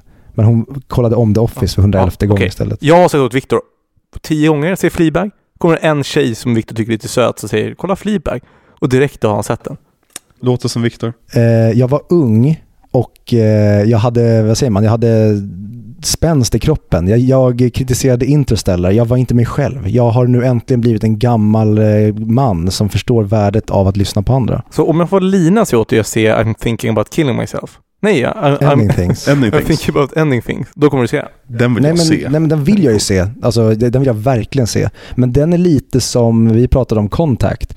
Det är en sån här film som, den, den vill jag verkligen vara i mode när jag ser. Så det har ingenting att göra med att jag inte vill se den. Det är bara att den här måste jag vara på rätt humör för. Ja, men så, vissa filmer har man ju på sin lista där det är liksom att jag vet att jag kommer ha en intressant filmstund med den här. Mm. Så jag har inte bråttom att ge mig på den. Mm. Utan det, den, får, den får hitta sig in i min, i min värld. Mm. För att den kommer göra det slut. Jag har till exempel Call Me By Your Name på min list, sån lista. Mm. Jag, jag vet att jag kommer ha en underbar stund med den på något sätt. Så det, är som, den, det kommer när det kommer. Mm. Men jag kan, älskar sånt. kan inte det också backfire? Inte lite samma sak när du har flaskor dyrt vin, Mm. men du vet aldrig när du ska öppna den? Fast så, nej, alltså till slut drar mig alltid av det där plåstret. Alltså för Ja, men mig i alla fall. Bra Alltså, om det är så. Men Ja, alltså- för mig är det rätt för, alltså egentligen borde jag bara sett en film för tre år sedan. Men, men jag skjuter upp då på det för länge för jag vet att alla förutsättningar ska vara rätt. Mm. Alltså, i, I grund och botten, och det här är så jävla reduktivt sagt egentligen, men i grund och botten så här är det ju bara en film. Ja. Alltså i slutändan, alltså, om jag, om jag glömmer bort att Carmen by Name finns och kommer på om 30 år att just jag såg aldrig den. Ja, då var det en film jag inte såg. Mm. Liksom. Men det är Eh, fint. Jag tycker alltså det, det kan vara så lökigt och folk kan säga så om alltså, film på väldigt många sätt. Det är ju bara film, mm. men då kan man säga att det är bara ett vin Mm. eller whatever. Det är fint när man värderar saker Mm. och faktiskt vill spara dem till vissa occasions. Det gör livet lite finare. Mm. Ja men precis, alltså, du har någonting som du vet att du kommer tycka om, någonting att se fram emot. Ja, eller inte tycka om, men du har fortfarande haft en anticipation Ja. som har gjort saker Alltså tillvaron har varit bättre Mm. och det är i alla fall någonting som du värderar och har i alla fall tänkt på förhand. Det här kommer vara intressant och förmodligen så var det intressant även om i värsta fall vinet smakar skit, filmen smakar persika. Ja, ja. Men vinet är ju aldrig så gott som innan man precis öppnat det, Mm. så att säga. Alltså, Schrödingers katt. Ja men det är ju det, Kö, Mm. Schrödingers film, Schrödingers vin. Att det är som, jag, har- jag har aldrig sett Sopranos. Men i mitt huvud är Sopranos den bästa serien som någonsin gjorts. Mm. Alltså, det, det, det, jag har en... en, en in, ja, det här är väl lite att lura sig själv på något sätt, men, men det är som så här, jag tycker om att ha de här objekten som jag inte har rört än. Som, som jag vet kommer vara någonting jag kommer behöva röra. Ja, och på så sätt var Fleabag det motsatta för mig. Det var någonting som jag hade fördomar om, som jag absolut inte ville se och som jag bara så här, "Ugh." Och sen så fick jag någon och bara så här, "Ja, men se det bara. Okej, men jag, jag gör det för att du rekommenderar det nu för att vara schysst. Och nu har jag tur att det är sex timmar TV. Mm. Hade varit eh, som nu, det är fyra säsonger, eh, ish 40 timmar av Succession så att det berget är lite högre att bestiga. Men när det bara var två säsonger Fleabag och det var så här, Ja, men- brittisk tv alltså. Ja, jag, jag, jag, kan, jag, kan, jag kan testa det då.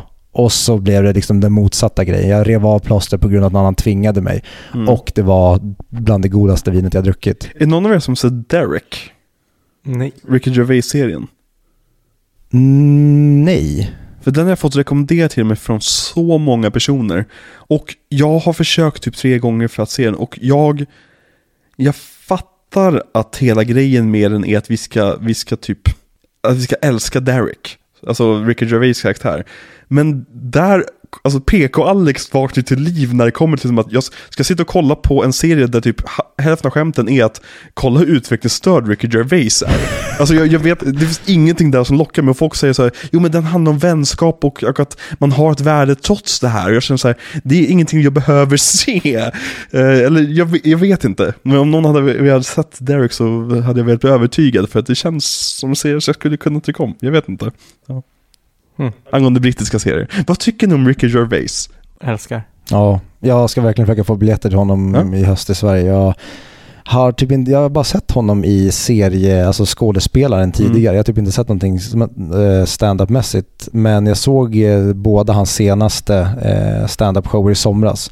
Och det var precis lika bra som alla har sagt att det är. Han är ju eh, sjuk i huvudet på det bästa sättet man kan vara sjuk i huvudet. Och jag älskar att han sitter på sin tron, sin miljardärtron och bara pekar fuck you till alla så när han säger någonting som inte är egentligen kul utan han bara säger det för att han vet att ingen kan komma åt mig. Så Mm. garvar man bara för att han kan göra det. Exakt, ja, men det är kul att se någon använda sin clout på rätt sätt. Ehm, har ni kollat på eller lyssnat på Ricky Gervais podcast? Nej. Är det den han har med Sam Harris? Nej, eh, utan nej, det är han, Steven Merchant och Carl Pilkington. Har de en podd? Ja, det det är så de... Eh, alltså det här, alltså podcasten gick ett, en bra stund i England. Och sen så gjordes en animerad serie på den. De Mhm. typ bara animerat när de sitter och pratar. Den är skitrolig, den kan jag verkligen rekommendera ifall ni gillar Ricky Gervais. Den finns på vår hem, vårt hemliga HBO-konto. Mm. Jag såg uh, An Idiot Abroad, uh, några avsnitt i somras. Ja, det, den, det är ju en spin-off ur den podcasten kan man säga det som. ah, okej. Eh, var inte så bra som jag trodde att det skulle vara, Nej, tyvärr.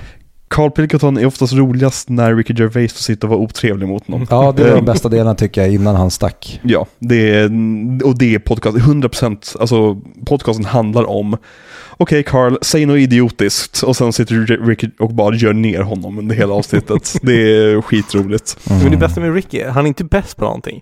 Han är bara en jävligt härlig människa att lyssna på. Mm. Och att han älskar djur. Han är godhjärtad, Ricky. Alltså han- hans djuraktivism är typ det jag har svårast för med honom. Varför det? Ja, men alltså, jag kanske ane- alienerar en del lyssnare, men jag tycker inte att veganism är så... Folk som är veganer... Sexigt. Nej men är sexigt är fel ord, men nästan det jag letar efter. Men jag, jag tycker att, Är han vegan? Ja han är ju rov... Eller jag har för mig att han är vegan och så här, djurrättsaktivist och han har ju sagt att liksom så här, vi behöver inte skaffa fler barn, vi behöver adoptera fler hundar i världen. Och jag känner så här, okej, Ricky. Eh, och lite grann, han, han, från det jag, jag följer honom på Twitter och han twittrar relativt ofta typ att så här, vi borde bara låta hundarna ta över den här planeten, fuck mänskligheten. Och den typen av liksom djurälskande tycker jag kan vara lite smått obehagligt. Men så mycket pratar jag inte om, om det på Insta. För jag följer honom på Insta. I bara. Instagram så är det säkert mer städat, och mer, men Aha. på Twitter, alltså det är, det är inte hela tiden, inte mycket, men de vibesen ger han av rätt, rätt ofta. Och jag har stört mig lite på det över åren liksom. Men jag har aldrig sett han klanka ner på att man äter kött. Jag har bara sett han klanka ner på folk som skjuter lejon i, på, på parker i Afrika liksom. Mm. Ja, där tappade han mig. Men, men det var någonting också om typ så vanlig jakt också som han var ute och vevade. Det, det, det är svårt för han, han är ju en väldigt merkurial person, att han svingar ju väldigt mycket fram och tillbaka Mm. beroende på vad han känner. Eh, så det kan ju bara varit någonting han stängde ut sig för att han var arg en dag liksom. Men, men den viben jag fått av honom de senaste åren lite grann att så här, han är lite mycket inne på mänskligheten har gjort sin grej, nu kan vi låta djuren ta över igen liksom. Mm. Ja, men han, han har ju inte fel. Fast det har Eh, han. typ- Dunkirk. Just Da, just det, just det. Jag, jag glömde, helt bort. Dunkirk, effekterna i den här filmen. Alltså när de sänker där eh, medicin, eller eh, medical-fartyget. Alltså, eller, eller när de spränger den där militärbåten på slutet, det, då är det ju Titanic. Alltså det är de snyggaste CGI-animationer jag sett. Ja, verkligen. Men det, det, det är ju CGI-animationer med den här filmen, men otroligt lite och i bakgrunden och för att typ så att ta bort saker och utvidga saker, inte för att skapa saker. Nej, han, de använder ju till och med kartongmänniskor Ja. på stranden för att Nolan inte ville ha CGI-soldater. Det var så jävla häftigt att se när man ser alla de här människorna på stranden. Alltså extras. Alltså människor är fan den bästa specialeffekten vi har. Ja. Alltså ge, oss, ge mig ett gigantiskt perspektiv med tusentals människor och jag kommer sitta här och vad fy fan fick du upp det här? Det var så jäkla fett i en 2022-film när Babylon gjorde det. Ja. Och att det var, har du sett den? Nej. Det, det handlar ju om Hollywood på 30-talet. Jag tror den handlar om eh, Jamaica. De satt och Babylon, eh, 20-tal det är väl till och med. Eh, och när Hollywood går från, börjar liksom komma, ja, de- den går igenom eror och Brad Pitt är en stumfilmsstjärna. Och så är det bara i hans ark så är det en stor filminspelning, typ en riddarrulle. Och då har de med flera tusen statister, alltså i ett stort slag. Men alltså, det är bara en filminspelning i filmen. Men det blir episkt för att det är så många tusen extras. Men det är bara fokus på liksom Brad Pitts karaktär och vad som typ händer honom. Alltså Eh, älskar Babylon. Ja, den var fet alltså. Men det är det som jag tycker är lite problem med den här filmen. Är att han envisades så jävla mycket att spela in det i Dunkirk. Men om man tar scener från Atonement som också visualiserar Dunkirk. Eh, Har du sett den? nej, men jag har sett scener från den. eh, nej men alltså där så blir det verkligen det här storskaliga och kaosiga som det är i krig. För det är ju lite för rent för att vara krig. Dunkirk är lite för helt. Men det är fine för mig. Det, är- fuck it, okej, men husen får vara hela. Det är lugnt. Men de hade, alltså det, det ser ut som att det är, alltså det är fan fler fo- folk på mitt Coop än på den stranden. Ja, du, ty- du tycker att det är för småskaligt? Det är ju 300 000 människor, om inte fler, som är på den här stranden. Men det är väl det att just att Nolan ville göra det så mycket på riktigt som möjligt. Och att man Ja. kan inte ha så pass många, många människor. Nej men kan han bara, alltså, slänga på lite CGI i bakgrunden? Ja, fast nu, nu börjar det tumma här va? Nu börjar det tumma. Ja men, det- ja, Nej, men, men jag, jag fattar, alltså, om du har den visionen av vad Dunkirk ska vara sen innan, det som är, eftersom du vet det här, så blir det ju säkert så att då blir ju stranden väldigt tom för dig. Men jag tror att för gemene man, bara det att se all, du har inte sett sådär många människor på skärmen på flera år på bio liksom. Jag tror att effekten av det, det är lite grann att använda sig av, av tionden, för att liksom sådär, ja men varje person representerar tio stycken personer. mm. men problemet är ju då att det här känns inte som den bedriften som det faktiskt var. När det är så pass få personer på stranden. Det här känns ju som att det är så här, ja men det är en division som har fångats här, men alla resten av armén är hemma i hemlandet. Det, det kan jag hålla med om faktiskt lite grann att, att när jag trodde att jag skulle bli mer medryckt i ögonblicket när båtarna kommer dit och att Mm. det är oh my god, vi har äntligen lyckats med det. Nu klarar sig filmen toppen utan det ögonblicket. Men det var, jag var lite tagen på sängen över att vi inte fick ett riktigt kladdigt, liksom så här, nu packar vi båtarna fulla ögonblick liksom. Mm. Så det, det kan jag hålla med om lite grann, men jag tycker inte att det drar ner filmens värde, utan snarare det, det är snarare bara ett annat sätt att göra filmen på. Mm. Nej, jag, jag förstår din kritik till 100% men jag som inte vet jack shit om det här, eh, jag, jag har inte tänkt tanken på det eh, förrän jag har läst kritiken. Och ja, när jag vet, vet om det, ja då, då ser jag det. Och jag kan hålla med dig. Jag hade nog, om jag hade fått välja, ja, men plocka in lite CGI-soldater långt, långt bak. Ja men exakt, eller att de kommer över en kulle och där ser han hur många som helst. Men man får bara fylla deras del av stranden. Ja, eller visa dem bara från skyn då. Alltså bara Ja. när du har flygfoton högt uppe, så här, då, då ser det väldigt tjockt ut. Mm. När du är där på stranden, då kan du bara vara på en liten del av stranden. Så då kanske vi inte ser att det är så många där och då. Eh, men det är bara, vad säger man, det, då är jag verkligen nere i, Men- i nitpicking. För mig är det lite som att om Saving Private Ryan öppningsscenen, att det skulle vara fyra båtar som landar på den stranden. Det, det hade inte gett samma effekt då. Då hade man ju sagt, vad- jo det är det här, det är D-Day. Man står med Mm. Normandie. Mm. Jag tror att Nolan kommer undan väldigt mycket i och med att just det här är nog första människors, eh, många människors första kontakt med, med Dunkirk. Men D-Day vet ju alla vad det är liksom. Exakt. Så det, det ja, jag, jag, jag förstår vad du säger men jag håller inte med om att den här filmen behöver det. Nej. Men eh, ja, Det jag kommer aldrig skadat. tack... Men jag behöver inte. Nej, men ni är också lite mer, ni är ju mer kära i, och det håller med i det, hur, alltså ni betygsätter, eller vad heter det, ni värderar inte den här eh, historiska, att det ska vara korrekt, Nej. lika Nej. mycket som jag gör. Det är därför den här faller lite för mig, men för er faller inte någonting av det alls Mm. egentligen. Jag, jag skulle säga att jag bryr mig faktiskt väldigt lite om att den ska vara historiskt korrekt. Mm. Eh, för att det är inte riktigt det jag är ute efter med den här filmen. Och med Nolan har jag aldrig varit liksom att han ska vara i, i verkligheten. Det, för det är han ju aldrig. Liksom. Han, han, är, han är i klipprummet, så, så att säga. Eh, så, så, för mig, så för mig spelar ingen, alltså det här skulle kunna vara ett fiktivt slag och det skulle kännas likadant liksom. Ja, och jag skulle nog säga att jag, jag, jag var där. Jag var där väldigt, väldigt länge. Så jag skulle nog säga att jag har blivit väldigt mycket åt andra hållet. Att jag lite skäms över att jag var så otroligt anal när det kom till detaljer när jag var yngre. Alltså, åh men han har inte den hårfärgen i boken. Så då, då blir jag arg på hela filmen. Men nu har jag blivit tvärtom. Att, ja men fan, jag, jag bryr mig inte. Leverera, leverera film till mig. Sen Mm. vad, vad som stämmer på förlag eller någonting.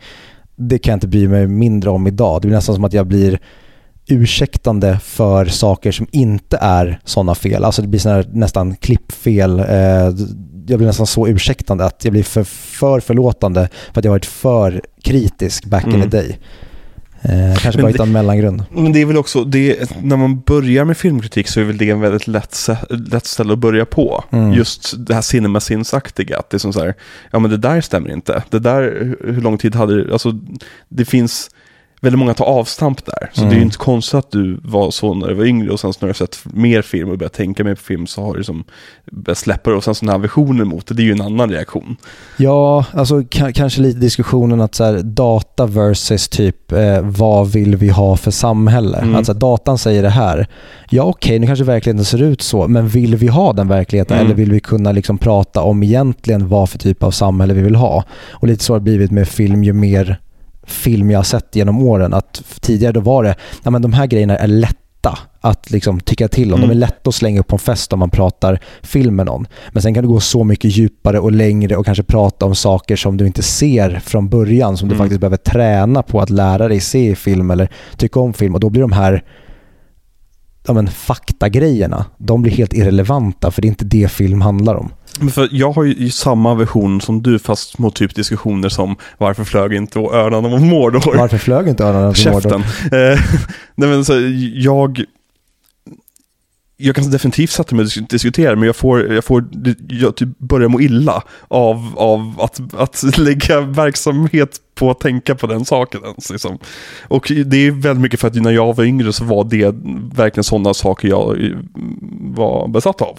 Att Mm. det, är som att allting ska vara logiskt, make sense. Ja. Men, men angående verklighet i film, det finns ju vissa, alltså den här filmen är ju otroligt, otroligt verklighetsbaserad i det att du känner dig som soldaterna när, när det sjunker. Men den är inte bas, verklighetsbaserad i liksom siffror och spreadsheets. Så där är vi tillbaka i det du pratar om, det här med det subjektiva Mm. som Nolan håller på med.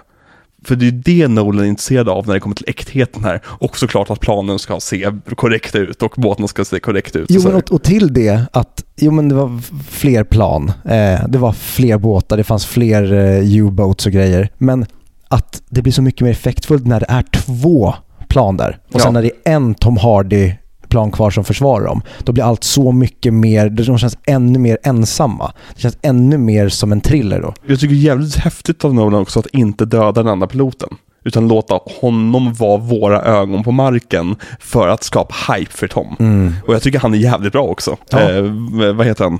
Tom Glynn Carney. Vad heter hans Collins va? Hans karaktär? Eh, Dawson. Nej, nej, förlåt. Jack Loudon som Collins, det har du helt rätt i. Mm. Ja, jag tycker han är svinbra. Jag har satt och funderat på, har jag sett honom något annat? Nej, det har jag inte. Han ser så jävla britt. Han, ser, han är som gjord för att spela RAF-pilot. Ja, klockren casting. Mm.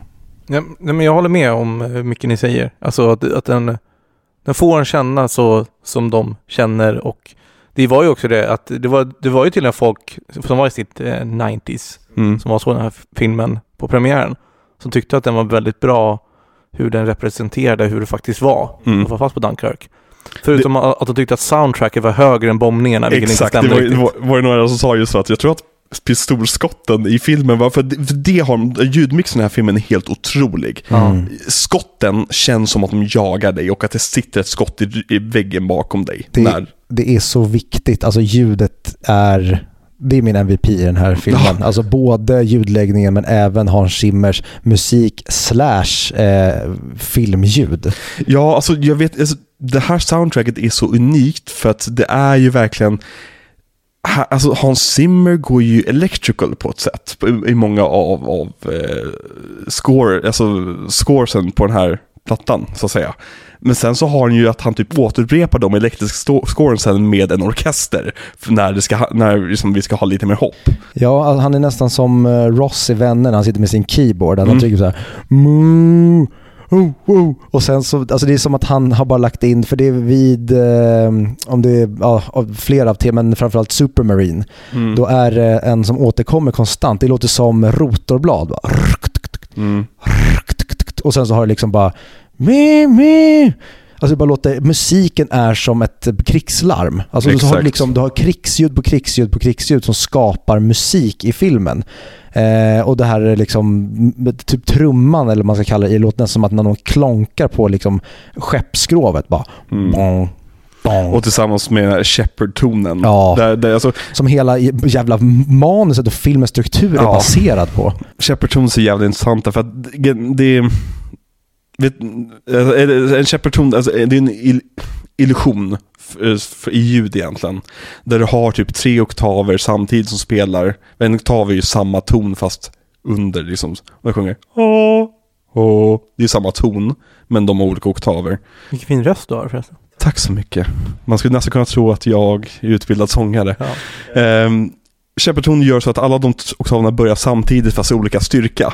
Så att det känns som att de går in i varandra och, och det är den här konstanta stegringen. Och det använder sig av Nolan. Det är som att de upptäckte det tillsammans. Och sen bestämde Nolan att det ska vara med tempo i filmen. För att tempot i den här filmen är hänsynslöst. Mm. Den, den, jag blev lite besviken när jag såg på den och såg att den bara var så kort som den var. En timme och 40 minuter. Sen när jag var färdig med filmen var jag glad över att den bara var en timme och 40 minuter. För att man hade aldrig orkat två och en halv timme av det här tempot. Du hade ju, du hade ju suttit och var andfådd när filmen är färdig. Mm. Ja, det är mm, jävla genijävel Nolan. Han, eh, han gör, alltså runtimen är nästan det tydligaste exemplet på hur briljant han är här. Ja men det, det, det är storkukslugn. Ja, det är helt otroligt att... Jag kommer ihåg när den nyheten kom ut att men, hans film är hans kortaste någonsin. Ja, ja, men den är väl typ strax under två timmar som... Nej, den är 1.40. Eh, vad fan är det som händer för någonting? Och så levererar han det här och det är så coolt att... Ja, men det är nästan så att pengarna tog slut. Ja, men vad gör vi? Vi gör en tredje akt bara. Hela jävla filmen är en tredje akt. Vi skiter i de två första akterna. Bara rakt in i tredje akten, pang bom och så kör vi. Precis som Mad Max. Jag älskar Ja. filmer som vågar... Så här, alla filmer borde absolut inte leka med aktstrukturen. För att aktstrukturen är där för att hjälpa dig. Men när du har en mästerregissör som gör det, då kan det bli helt fantastiskt. Mm. Det här är så jävla läskigt också, med oljan på vattnet. Mm. Vill du drunkna eller vill du brinna upp? Fredrik, om du fick välja. Eller båda. Du drunknar samtidigt som du brinner. Ja, jag hade vänt på mig, så benen brann, sen drunknade jag. Ah, smart. Mm. Outside the box. Jag hade velat brinna upp i en björndräkt. Ah. För det? Jag har bara sett det på film. Det ser jävligt fett ut. Jag hade velat att en snubbe i en eh, så mask gjord av en säck kastar vodka på mig och sen tänder eld på mig. Och sen kan han bli kärnfysiker. Ja. Mm. Och sen, jag tycker du borde lighten up. Visste ni att Nolan faktiskt detonerade en nuke? För han har sagt att han, han gjorde Oppenheimer allt praktiskt. För det är så det funkar. Mm. Respekt. Han gjorde det över Japan har jag hört också. Respekt. Boom shakalak. Rabba-dab-dab. Hur många bultar finns det i Ölandsbron? Men ha- har vi pratat om musiken? Låt oss börja med musik. Fortsätt. Åh, visste ni att klockan aldrig slutar ticka i soundtracket? Mhm. Förrän de kommer till tåget. Och det är Nolans egen klocka också. Det visste inte jag. Mhm. Fan vad coolt. Han har hållit den mot micken under hela Ja, inspelningen. precis. Nästan all dialog i den här filmen är ADR-ad på grund av IMAX-kamerornas eh, surrande. Det, det, det, var en, det var en kort inspelning av, ljud, eller av dialogen i den här. Ja, verkligen. Gjordes på en eftermiddag typ. Ja. Nej, men det betyder att allt som ni hör med varje plask i vattnet, varje bomb som släpps, varje eh, som metall som, som sliter sig mot varandra, allt det är fixat i efterhand. ja, det är så jävla fett. Ljudproduktionen i den här filmen är makalös. Men musiken, vad, du, du, hade, du hade mer? Give me more. Nej men jag vet inte om jag har så mycket mer än att jag är så glad för det som vi pratar om, att skotten känns. För idag, det är så lätt att använda, det skjuts till höger och vänster och det peppras med automatvapen i varenda jävla film och skott betyder ingenting för hjälten hela tiden bara duckar det trots att det är liksom 40 personer som skjuter på honom från 10 meters håll. Men här från liksom sekund ett när det börjar skjuta så Mm. är vi livrädda varje gång det pangas. Alltså, Men- jag är så rädd för dem inne i båten när Mm. de ligger där och helt plötsligt så är de bara prickskjuter. Och så kommer det mer. Så här, men det spelar ingen roll om de prickskjuter eller vet ni, ni är där inne. Mm. Kulan kommer göra lika ont ändå. Exakt. Alltså ljudmixningen i den här filmen har fått mig att, att mm, uppskatta Nolans ljudmixning på ett helt annat sätt. För Nolan har ju, i Tenet i alla fall, har han ju lite problem med ljudmixningen. Jag testade att se den här filmen utan någon som helst undertext. Eh, vilket var ett underbart drag, för att du behöver inte höra varenda ord och det är inte meningen att du ska höra varenda ord. Och det är meningen att när ett skott viner över någon som pratar så ska ju inte du höra vad den personen sa. Du kanske hör det, det små detaljer över ett ord. Och jag tycker det funkar så jävla bra för att skapa den här äkthetskänslan. Eh, men ljudmixning och Nolan kommer vi prata lite mer om nästa vecka misstänker jag. Det kan hända. Det kan hända... Federico, vad tycker du om eh, musik? Musik generellt, eller Musik musiken på den här? Ja, musik generellt, varför inte? Go! Jag älskar musik. Har ni hört Björnstammens senaste album? Det är 10 av 10 skulle jag säga. Nice. men jag, jag har aldrig hört dig prata om att du älskar det albumet. Vad, vad gör de för typ av musik? Eh, oj, hur ska man beskriva det? Är inte det lite som, som, som eh, Slagsmålsklubben? Nej, ver- verkligen inte. Nej. Det här är ju mycket mer lugnare och välproducerat. Det är väldigt smart och väldigt musikaliskt duktig musik. Har jag fått höra av min flickvän som är musiker. Eh, och det är inte så här poppig, du vet, bara catchy ska finnas på radion. Mm. Utan senaste albumet är verkligen Björnstammen i sitt esse skulle jag säga. Okej. Ingen vart, Vad heter det? vart är mig? Den heter Människa och djur tror jag. Okej. Eh, de har tre låtar där som jag tycker är fem av fem låtar. Nice. Jag Kul. kan tipsa om det. Jag har sagt det till Viktor 8000 gånger, men tror han lyssnar på dem? Eh, jag ska vara helt ärlig, jag tänkte det, jag glömde bort det. Jag ska göra det. Eh, ASAP. Jag kan Jag visa en ber om låt efter podden. Vi avbryter podden här för att Victor ska lyssna på hela, hela skivan. Eh, nej men det sker jag, bara, jag bara haft på repeat. Sen började jag lyssna lite mer på Frank Ocean också, framförallt Blond. Det tycker jag är en otroligt album. Bättre än Känna Orange. Men Känna Orange har tre bra låtar Tre Eh, bra nej, okej, låtar. tre otroligt bra låtar. rökt? som sticker ut för mig. Det är Bad Religion Eh. jag behöver gå och kissa. Fortsätt prata om Frank Ocean. och den här... Eh, nej, Lost heter den va? Nej, Lost, ja, vi Lost. Forrest Gump, Super Rich Kids, Super Rich- det- Pink det kanske 3000 heter den väl? Jag älskar eh, Crack också... Rock, Är, är det Pyramids jag tänker på? Pyramids. ja, jag tror det. Ja, men det är många bra låtar, men Blond tycker jag är bättre. Albumet. Jag förstår att man kan tycka det. Jag vet inte vilka jag skulle... Jag skulle säga att de är så olika varandra. Jag tycker eh, om de båda besinningslöst. Det är en av mina absoluta favoritartister och jag är så glad att jag fick se honom live på Way Out West för att han verkar vara en riktig liten horunge som ställer in varenda Han är jävla spelning. superintrovert på det, den saken. Ja, och han verkar inte... Ja, du, du har inte lyssnat på musikdokumentären om honom eller? Jo, men det var länge sedan när den kom så jag minns inte Ja. detaljerna. Nej, men du är ingen riktigt fan. Jag själv har ju tyckt om honom i typ en månad. Lyssnat på allt det går att lyssna på.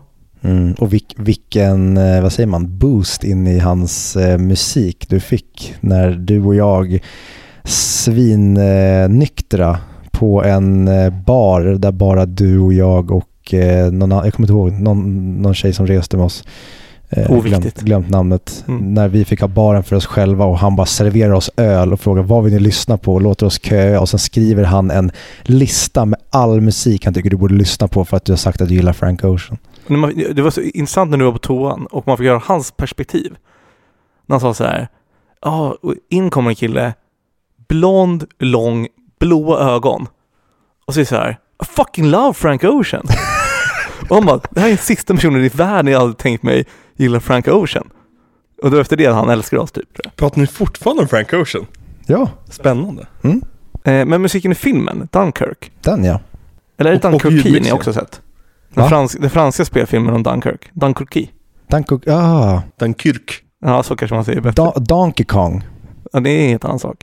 Eh, otrolig. Jag älskar det här Shepard Tone-grejen. Mm. Eh, och den är ju spot on för filmen. Mm. Och det är det han är så jävla bra på att göra. Det, det är bara jämför den här musiken med Dune, soundtracket. Eller scoret. Det är ju helt olika stilar. Det är inte samma sport. Ja, nej men alltså, det, han är så bra på att anpassa det till filmen. Ja, Hans. Zimmer är verkligen...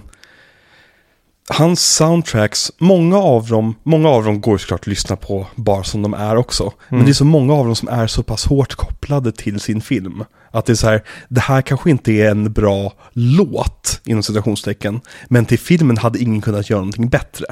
Det är som, han, han förstår verkligen filmkänsla och, och vad musiken ska kunna säga i tandem med filmen. Mm. Ja, alltså han, han är ju kanske den bästa i världen. Han är kanske den bästa blinda regissören i världen för att han inte får jobba med bild. Han får Mm. bara jobba med ljud. Och det finns ingen som slår honom på fingrarna. Alltså Nej. Morricone skulle väl folk kunna säga men äh, alltså Hans Zimmer har gjort så mycket nu under så lång tid som är så ikoniskt för så många även ute. Alltså, ja, ja, alla har hört wow, wow, wow och liksom andra Morricone-scores. Ecstasy Men- of Gold. Oh, Otrolig. Ja, Mor- jag typ alla Morricones score är Ja. helt fantastiska. Men, Men- men grejen med dem är att de är lite mer one, eh, och John Williams tänker på då. Mm. De är ju samma stil på allting. Ja, John Williams är ju väldigt mycket återanvända saker som, alltså det finns vissa bitar, jag, jag somnar till en platta varje kväll nu eh, som heter Celtic Circle. Och på den finns, nostalgia. ja eller hur, visst, visst lyssnar vi mycket på den? Ja, Ja. det var för att eh, Enya med Made Be var med på den. Exakt, precis. Och Harry Potter-scoret fanns på CD2. Jaha. Det, men den lyssnade vi aldrig på, vi lyssnade på första sedeln. Men på CD2 där finns Harry Potter-scoret och det finns vissa bitar där som låter Star Wars. Mm. Låter så jättemycket Star Wars. Och det är här, jag respekterar och älskar John Williams, men ingen är så unik som Hans Zimmer. Och det säger jag med Gladiator och Pirates of the Caribbean-scoren bredvid varandra och förstår vad, att han i, ibland Mm. bara tycker om att kopiera sig själv också. Vi har ett undantag som bekräftar en regel. Ja men det är verkligen det. Åh, det används alltid fel. Ja, men ska vi gå in Nej, där igen? nej, nej. um, Något mer när vi postern till den här filmen? Eh, Nolans snyggaste poster. Jag tänkte precis på det när jag stod och kissade i toaletten som du har där inne. Mm. Eh, Nolans snyggaste poster. Och det säger inte så jättemycket för att jag tycker inte postern är överdrivet snygg faktiskt. Jag älskar den, men den, den typ, det, det är inte den här filmen postern är till för. Eh? Det ser ut som en helt annan kaosfilm. Här, ha- Hade någon sagt till mig, designa en, en poster för Dunkirk. Okej, stranden med alla människor på. Mm. Liksom så här, men ja, jag vet inte. Har Nolan bara, all- är det typ hans sväg, svåger som designar postern åt dem? Vi, vi, vi har haft lite, Fredrik, eh, lite av en teori i avsnitten. Eh, Jag tänker på den när han ligger på stranden, när hans ansikte. Ja okej, jag tänkte på Den den. där, det där, ja exakt. Det där jag, är, jag tycker det, båda är skitsnygga. Ja, exakt. Men att Nolans posters är inte så snygga som de är egentligen om man bara kollar lite närmare. Det är bara det att man älskar filmen som är knuten till postern. Jag kollar fan Ja. aldrig på posters innan jag ser filmen typ. Nej, eh, det som vi har fått se från Oppenheimer nu är ju bland, bland det gräsligaste. Det pratade vi om i ett avsnitt. Det är helt otroligt vad fult det ser ut. Ja, och typ Prestige-postern upptäckte jag när jag stod och satt och kollade på den så här. Vänta, det är ju jättedåligt photoshopat alltihopa bara. Eh, Men han lurar oss. han lurar oss genom att få oss att älska postern för att den är kopplad till Mm. filmen.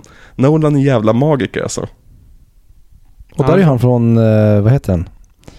Following. Jag tror att ni kommer tycka att Oppenheimer är 11 av 10 film.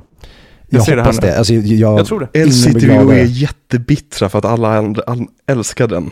Och nej, ska vi vara konträra igen? Men spela in ett avsnitt innan jag läst vad andra tycker. Innan vi har sett filmen. Nej men vi har sagt det, för vi ska gå och se den på eh, lördagen Mm. den 22 eh, klockan tre. Och sen har vi sagt det, vi ska åka raka vägen hem och spela in. Mm. Eh, Inte och jag ska läsa räkna- någonting. Nej, fast, fast Jag ska inte göra jag, det. jag kommer göra det, för jag, jag, jag tror inte att vi är konträr för att, för att vara konträr. Jag tror helt enkelt bara att vår smak inte limmar med andras smak. Nej, jag, jag, är, alltså, jag skiter fullständigt. Jag vill, jag vill vara med alla andra Ja, i en liksom Det är glädje. verkligen- jag vill vara en del av gemenskapen känner jag. eh, med, med Top Gun så var jag inte så brydd, men med Triangle of Sadness, då jag ville verkligen Ja. tycka om den. Och så blev det motsatsen tyvärr. Mm. Ja, det kommer bli spännande med, med Oppenheimer. Mm. Ser du fram emot Oppenheimer, utöver att det är en biopic? Väldigt mycket. Jag lyssnade på dokumentär, en P3 dokumentär om, om eh, Manhattan Project. Mm. Det finns otroligt mycket roliga och intressanta intriger. Mm. Som ni kommer få njuta av Mm. förhoppningsvis. Jag har den nedladdad efter din rekommendation, men jag har bara inte fått Mm. arslet ur att lyssna på den. Jag har inte de egna filmerna. Det finns ju en... Jag ska inte det. Nej, jag vet inte. Jag, Det jag vet bra. inte vad filmen innehåller tror jag. Jag har avstått från, eh, efter påtryckningar från er båda, att läsa Dune innan jag har sett klart, sett klart filmerna. Så jag kanske ska göra samma sak nu också med det här. Vad tycker du om trailer 2 till Dune? Eller trailer till andra Dune? Så här, jag tror, lite grann som med Oppenheimer så är, är det en film som är otroligt svår att marknadsföra. Och framförallt Dune Part 2 är svår att marknadsföra utan att spoila. Eh, jag tyckte inte trailern såg så jättehäftig ut, men det är mer av samma och jag, jag verkar vara nöjd. Han verkar vara på samma spår som tidigare. Mm. Eh, men den wowade inte mig på något sätt. Den blev väldigt hyllad där ett, en vecka när den hade kommit. Folk pratade verkligen om den på sociala medier. Det var inte den bilden jag hade om hur prinsess Irulan, eller hon heter, Irulan. Jag tycker det är ashäftigt att hon hade typ en sån här kedjebrynja på huvudet. Ja. Det, det, så, designvalen blev jag väldigt exalterad och jag är så jävla taggad på att se Emperor Shaddam. För att se hur han ser ut. Eh, Mm. Men när, när ni läste böckerna, om man visualiserar hur maskridningen ska gå till, mhm. Eh, jag brukar vara väldigt så här, hur ska de, hur fan ska de konvertera det här till eh, film när jag läser en bok? Mm. Men det såg ut som det mest episka någonsin. Mass- det, det, är beskrivet på det, det sättet. Alltså just som han gör det i Det ser så jävla coolt ut. Det, är- alltså det, det märks att han älskar Dune. Eh, Mm. han, han har gjort en, en, alltså estetiskt har han gjort kanske, lite grann av en ny tolkning. Han har dragit ner lite saker, förstorat upp lite saker. Han har gjort en adaption av det. Men det märks att han, han verkligen älskar Dune. Så det, det är därför jag är svintaggad på part två. Mm. Mm. Jag med. Nu kommer också snart den finaste scenen i hela Dunkirk. Här har vi När det. solen är i bakgrunden. Mm. Nu är när tyskarna syns. Vad, vad, för, förlåt, Tom Hardy är ju med i den här filmen också. Han är ju det. Sån jävla genidrag att casta en av världens största skådespelare vid det här laget, sätta på honom en huva, glasögon och mask genom hela filmen och låta dem prata grumligt in i en radio. Ja. Det är underbart. Men fan vad mycket han gör med det lilla. Okej, förlåt. Filmens enda falska, falska bit för mig, gubben som bankar på fönstret, att han först ser arg ut och sen så ser han glad ut när man inser att de är hjältar. Jaha, gjorde han? Nej, han ser Ja. väl inte så arg ut? Nej men, nej, men han ser aggressiv ut, det är ju Ja. Det är som att det är typ en Han- skräckfilm. Han ser kåt ut, man vet inte riktigt om ja, exakt. du vill att han ska vara kåt eller inte. Ja.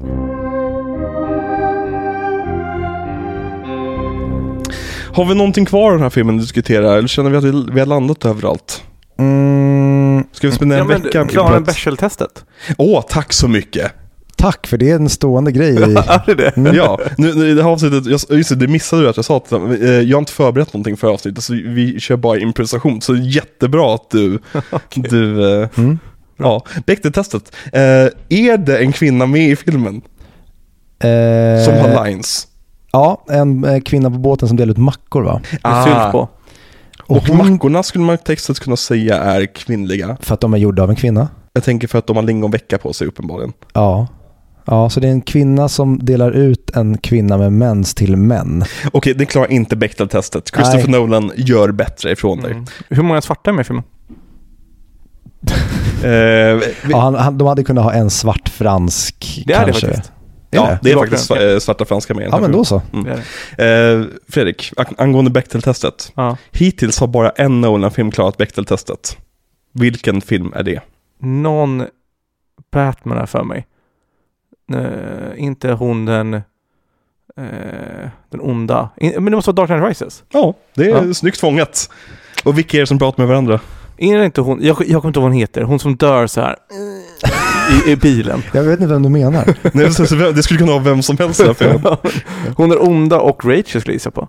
Rachel är ju död i Dark Knight Rises. Ja, just Men det det. fan, folk kommer tillbaka som spöken i den. Så att, Ja, precis. Vem fan Nej, är det, de det, det pratar är med? Catwoman och hennes eh, lilla tjej Ja, så. Just som det. pratar om typ staden. Jaha, tråkigt. Just det, Rachel är död. Hur Ja, ja, hon? det är en stor plot point i tvåan va? och i trean, Fan vad ni tyvärr. spoilar filmen i den här podden. Det är filmen vi precis pratade ah, nu fattar jag. Rachel var aldrig med i tvåan. Det är bara ett, ett sätt för Nolan att visa Harvey Dents själ. Varför bytte de skåd... Alltså varför vill inte hon fortsätta? Nej, men du får lyssna på Lyssna, vårt exakt, du avsnitt. får lyssna på våra avsnitt. Vi har- Jag, jag har faktiskt en, en konspirationsteori där, till och med. Oj. Ja. Att Mm. Nolan var otrogen? Nej, men att, att Adam Sandler är världens snällaste man. Ja.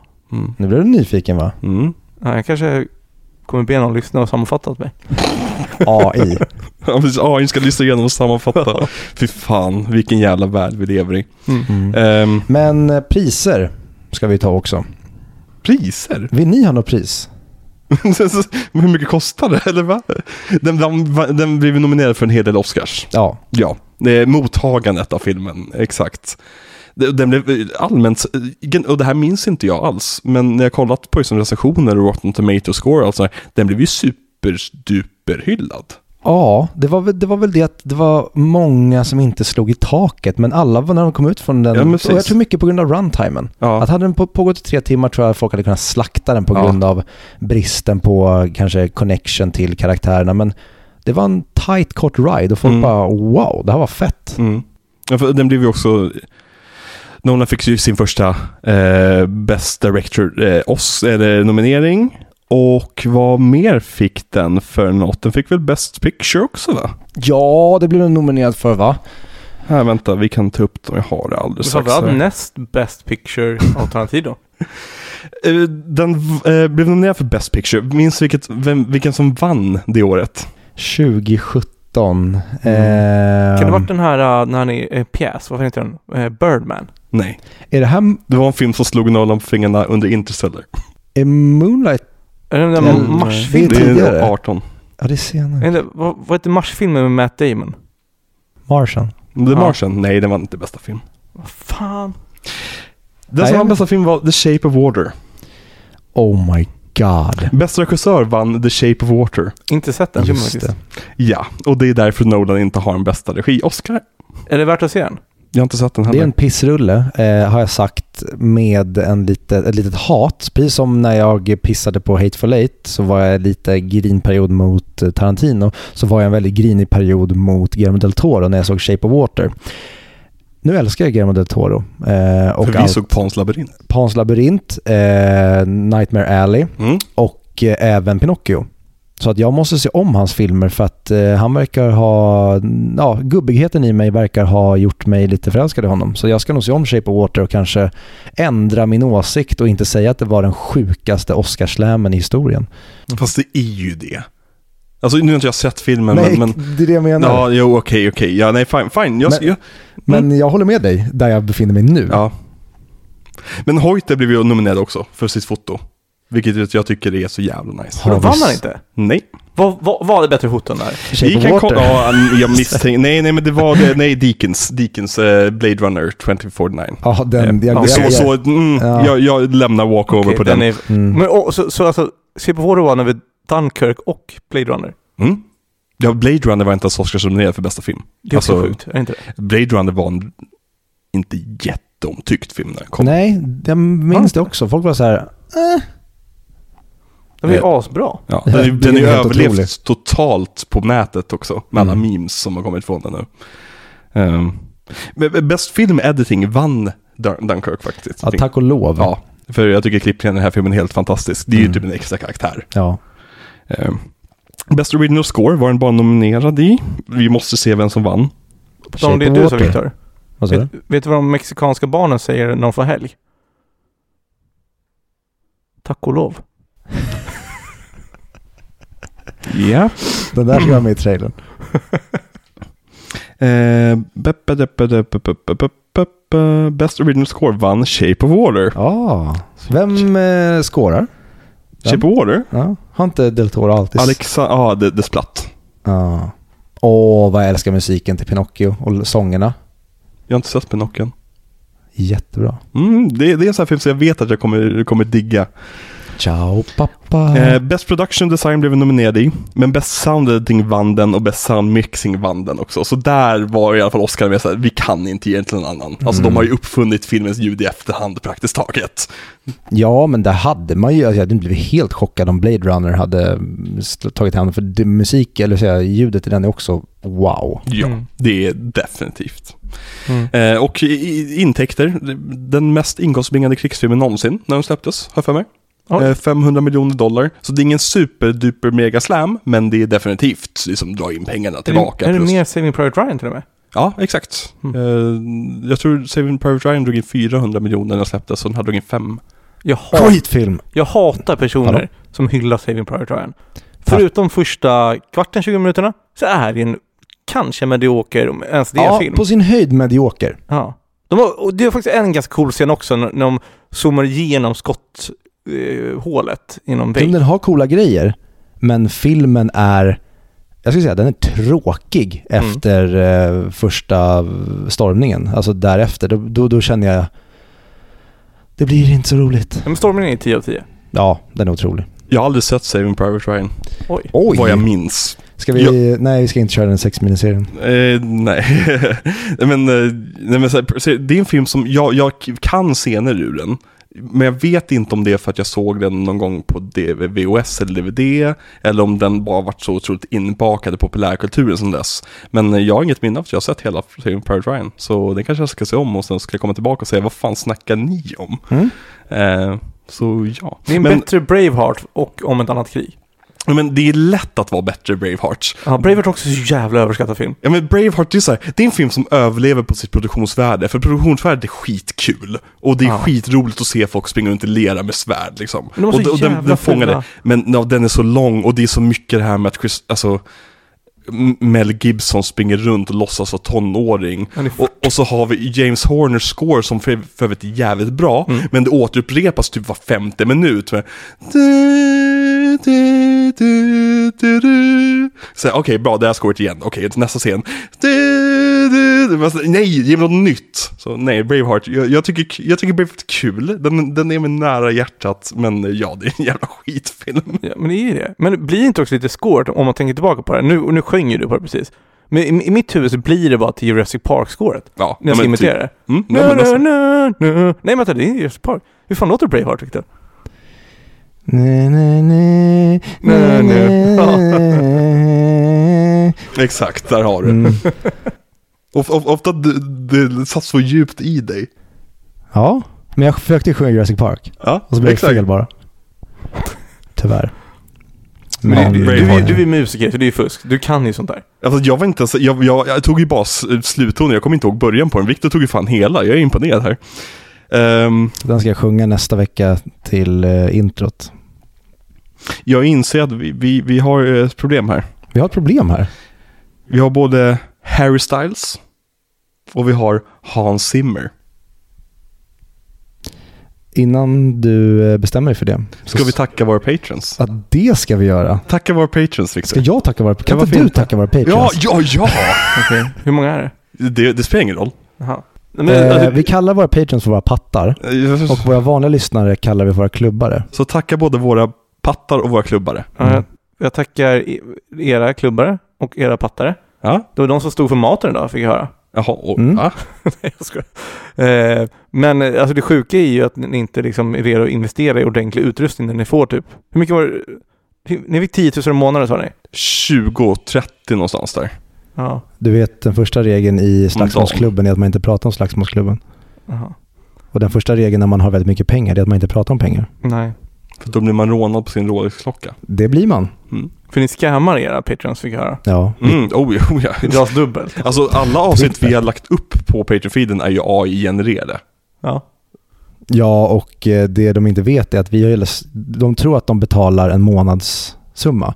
Men de betalar per avsnitt och jag lägger upp avsnitten 12 gånger och sen tar jag Mm. bort 11 av dem. Så att Jaha, du har ändrat. Förut hade vi att för varje påbörjad minut så var det eh, 1990. Det ligger också kvar. Okej, okay, nice. Mm. När jag och Victor började vår 100 mic-podd så, så var det jätteviktigt att allt skulle vara snyggt och en lista 100 till 1 liksom. Filen skulle vara snygg. Mm. Nu för två helger sedan så la han ut ett avsnitt på 20 sekunder bara för att vinna i en quiztävling. Det är, bara för att vinna med, ett argument. det är med i Dark Knight Rises-avsnittet. Är det? Ja, Så sjukt småsint av mig. ja, verkligen. det Och det kul. bär jag som den finaste av medaljer. Vad var det du tänkte säga? Jag tänkte säga vart den här filmen går att se någonstans. Ja, eh, nästa veckas film. Mm. Men Nästa vecka ska vi se... The Tent. Ska vi inte betygsätta Dunkirk? Ja, det kan vi också göra. Alltså, Eh, jag, jag brukar inte göra det. vad, sätt, vad sätter du för betyg på Dunkirk? Eh, jag står, alltså känner ni 1 till 5 eller 1 till 10? Att det, gör exakt vad du vill. Vi har en Okej. annan skala. Ja, för jag vill, alltså jag är ju fast, så jag kommer ner en 8,5. Okej. Jag Ja, har det, 20, Den skalan håller vi inte på med. jag har 20 Så, så, okej, så du har skala. 85 av 100? Ja, exakt. Om, eh, för jag, den är, om, jag, om jag är tvungen att välja då så blir det 9 istället för 8 tror jag. Men dra exakt vilket betyg du vill. Men jag tar 8,5. I och med att jag tycker att det, jag vill ha lite mer storskaligt. Och jag tycker att det, alltså, den är inte riktigt där för mig för att vara en 10 av 10. Jag har fastnat inte tillräckligt mycket och det kan vara de olika tidshoppen eller, eller vad det nu skulle kunna vara. Så 85 av 5. Och så 85 av 5. Jösses! Det är ett bra betyg. Mm. Mm. Bästa jag har gett än Skulle du rekommendera andra att se den här? Om de inte har gjort det, absolut ja. Om de har gjort det då? Då skulle, det finns många andra filmer jag skulle rekommendera före den här. Nej. Jo. Du skulle se allt för den första kvarten av uh, Saving Private Ryan. Ja, Kan du inte bara ses första halvan av Schindler's list? jo, Ja, den är så jävla bra. Den visar alltid min pappa för mig. Mm. Och sen stängde han av så nu skulle du gå och lägga dig med mig. Eller Va? bara, eller bara Hallå? svartvita delarna av American History X. Ja, älskar dem. Det är så bra när han är sådär våldsam innan han lär sig sin läxa. Och eh, Viktor, eh, vilket betyg sätter vi på den här filmen? Fem av sju. Fem av sju. Åh, Fem det, av sju. det är den bästa memen som finns. Jag antar att ni- att ni har gått igenom den. Fem av sju. Fem av sju. Det här är... ehm, Men jag sätter faktiskt bara nio av tio. Va? Mm. Okej, ja, okej, Mm. då får du ta en egen grej. Nej, men jag tycker den här är fullpoängare. Det- Jag älskar den här filmen. Jag vill också sätta det. Men... eh, kan jag, gör- inte. jag gör det. Jag gör Okej, det. gör det. Jag gör det. Men, alltså, ni är så jävla 10 Jag har slutat bry mig. Jag är i upplösningstillstånd. Men, Allt från 10, du från 10. ni du från in, 10. det är ni som bidrar till inflation i poängsättningssystemet. När vi bidrar till inflationen i vår ekonomi. Nej, det gör ni inte. Eh, har du, sen audio videoklubben drog igång, har du inte sett en, ty, en tydlig Ja, trend i. Sveriges ekonomi? Och världsekonomin och levnadsstandard. Vi, vi håller på att sabotera världen. Precis när vi drog igång drar kriget i Ukraina igång. Ja, ja exakt. Det är så, vi hade, vi hade, vi hade podden i typ en vecka och sen drog kriget igång. Putin sa, era jävla äckel. Sverige alltså. Han blandade ihop den. Gult och blått var deras flagga kommer man ihåg. Ja, precis. Han exakt. skulle ha låt oss. What is this podcast? Ja. Shit. Ehm, men Tenet, var finns den att se? Den finns chockerande nog att se på HBO. Ja, va? Ja, otroligt. Så att, eh, om vi inte har sagt det tidigare, eh, ni som har lyssnat på den här, eller ska, jag vet inte varför man skulle börja med det här avsnittet, men eh, om ni någon, av någon anledning lyssnade på Dunkirk som första avsnitt i den här miniserien, eh, skaffa er en prenumeration på HBO Max för att typ alla filmer finns där. Ja, precis. I den här miniserien då. Förutom de som inte finns någonstans alls. Ja, precis. Och de får man gå in på vårt speciella HBO-konto. Exakt, Eh, för speciella podcasters. Precis. Eh, mer om det kanske man kan höra på något Patreon-avsnitt. Jag vet inte. Eh, vill ni hyra den så går den att hyra på Apple TV, Amazon, Rakuten TV eller Blockbuster. Vill ni köpa den digitalt så kan ni även göra det på Apple TV, Blockbuster, SF Anytime eller Amazon. Mm. Och det finns också, jag vill bara ge en liten så här produktvarning för folk där ute. Det finns olika varianter av Tenet. Det kan vara så att ni, när ni, när ni öppnar upp filen på datorn eller om ni eh, stoppar i skärmen, att, eh, att ni kommer få en variant där vissa scener går baklänges. Och det är då fel variant. Ni, det ni letar efter är the corrected cut. Så leta, om ni märker att er Tenet-film går baklänges i vissa scener, stäng av den och börja leta efter en ny vari- variation av den. Eller se en annan film bara. Ja, så kan man också göra. Mm. Vad tycker du om Tenet? Nej, för, nej, nej. För. Eh, stabil 7 av 10 kanske. Ja, Nice. låter rimligt. Mm. Hur avslutar vi det här? Harry Zimmer. Har- ja, ja, okej. Är det bara Harry Potter? Ja, så gör vi. Okej. Nej, nu är han här. Då måste vi köra Harakiri. Är ni med då? Harakiri.